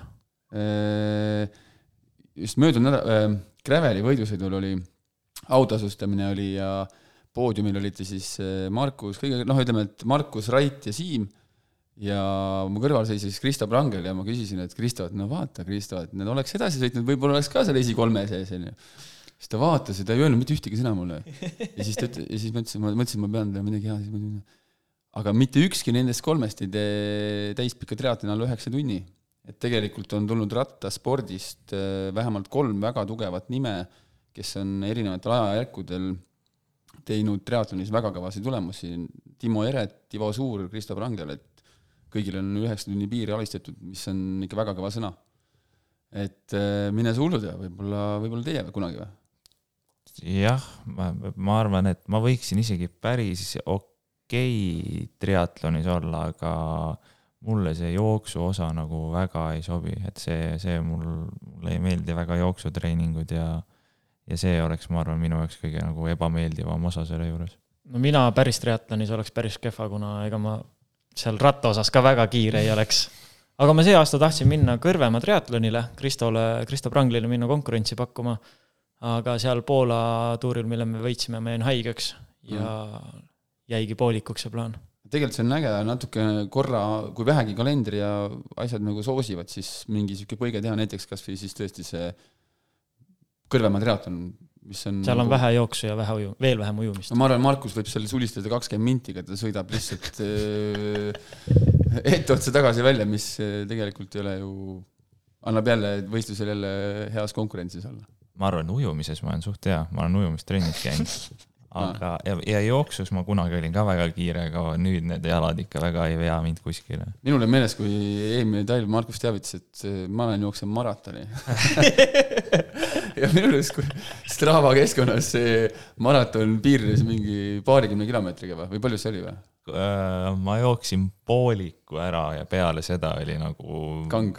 no ma ei suutnud oma jalgu lihtsalt tõsta, et ma mõtlesin, et ma lähen ja teen, mis iganes tuleb, aga ikkagi on vaja mingit treenitust, et sellist asja joosta, et äh, jah, ebaõnnestusin. jah aga suured tänud teile, mehed, tulemast. mul oli väga põnev ning hariv jutuajamine teiega, oli, oli tore laua taga kokku saada. saade, mis tegelikult juba ammu räägitud sai, et võiks teha lõpuks ta ellu viida, võib-olla ongi hea hooaja teises pooles, et hea, hea nagu tagasi vaadata ma ütleks küll, mul oli väga tore meenutada siin asju ja aitäh, Vidrik, et kutsusid. absoluutselt. jah, aitäh. ja edu eelolevaks Balti tuuriks ja tegemistes üldse. et, et, et karjäär võiks ikkagi jätkuda veel vähemalt aasta või rohkem. ma arvan, et jätkub, jätkub ja su-, ja suured tänud aga teile kõigile, minge sõitke rattaga, tehke sporti, liikuge, nautige veel seda suve, palju jäänud on. minu poolt tuleb veel üks saade eh, enne, kui me lähme väiksele sügispausile. kes siis on saate külaliseks ning teemadeks, näete siis või kuulete siis. Eh, kõike head ja tšau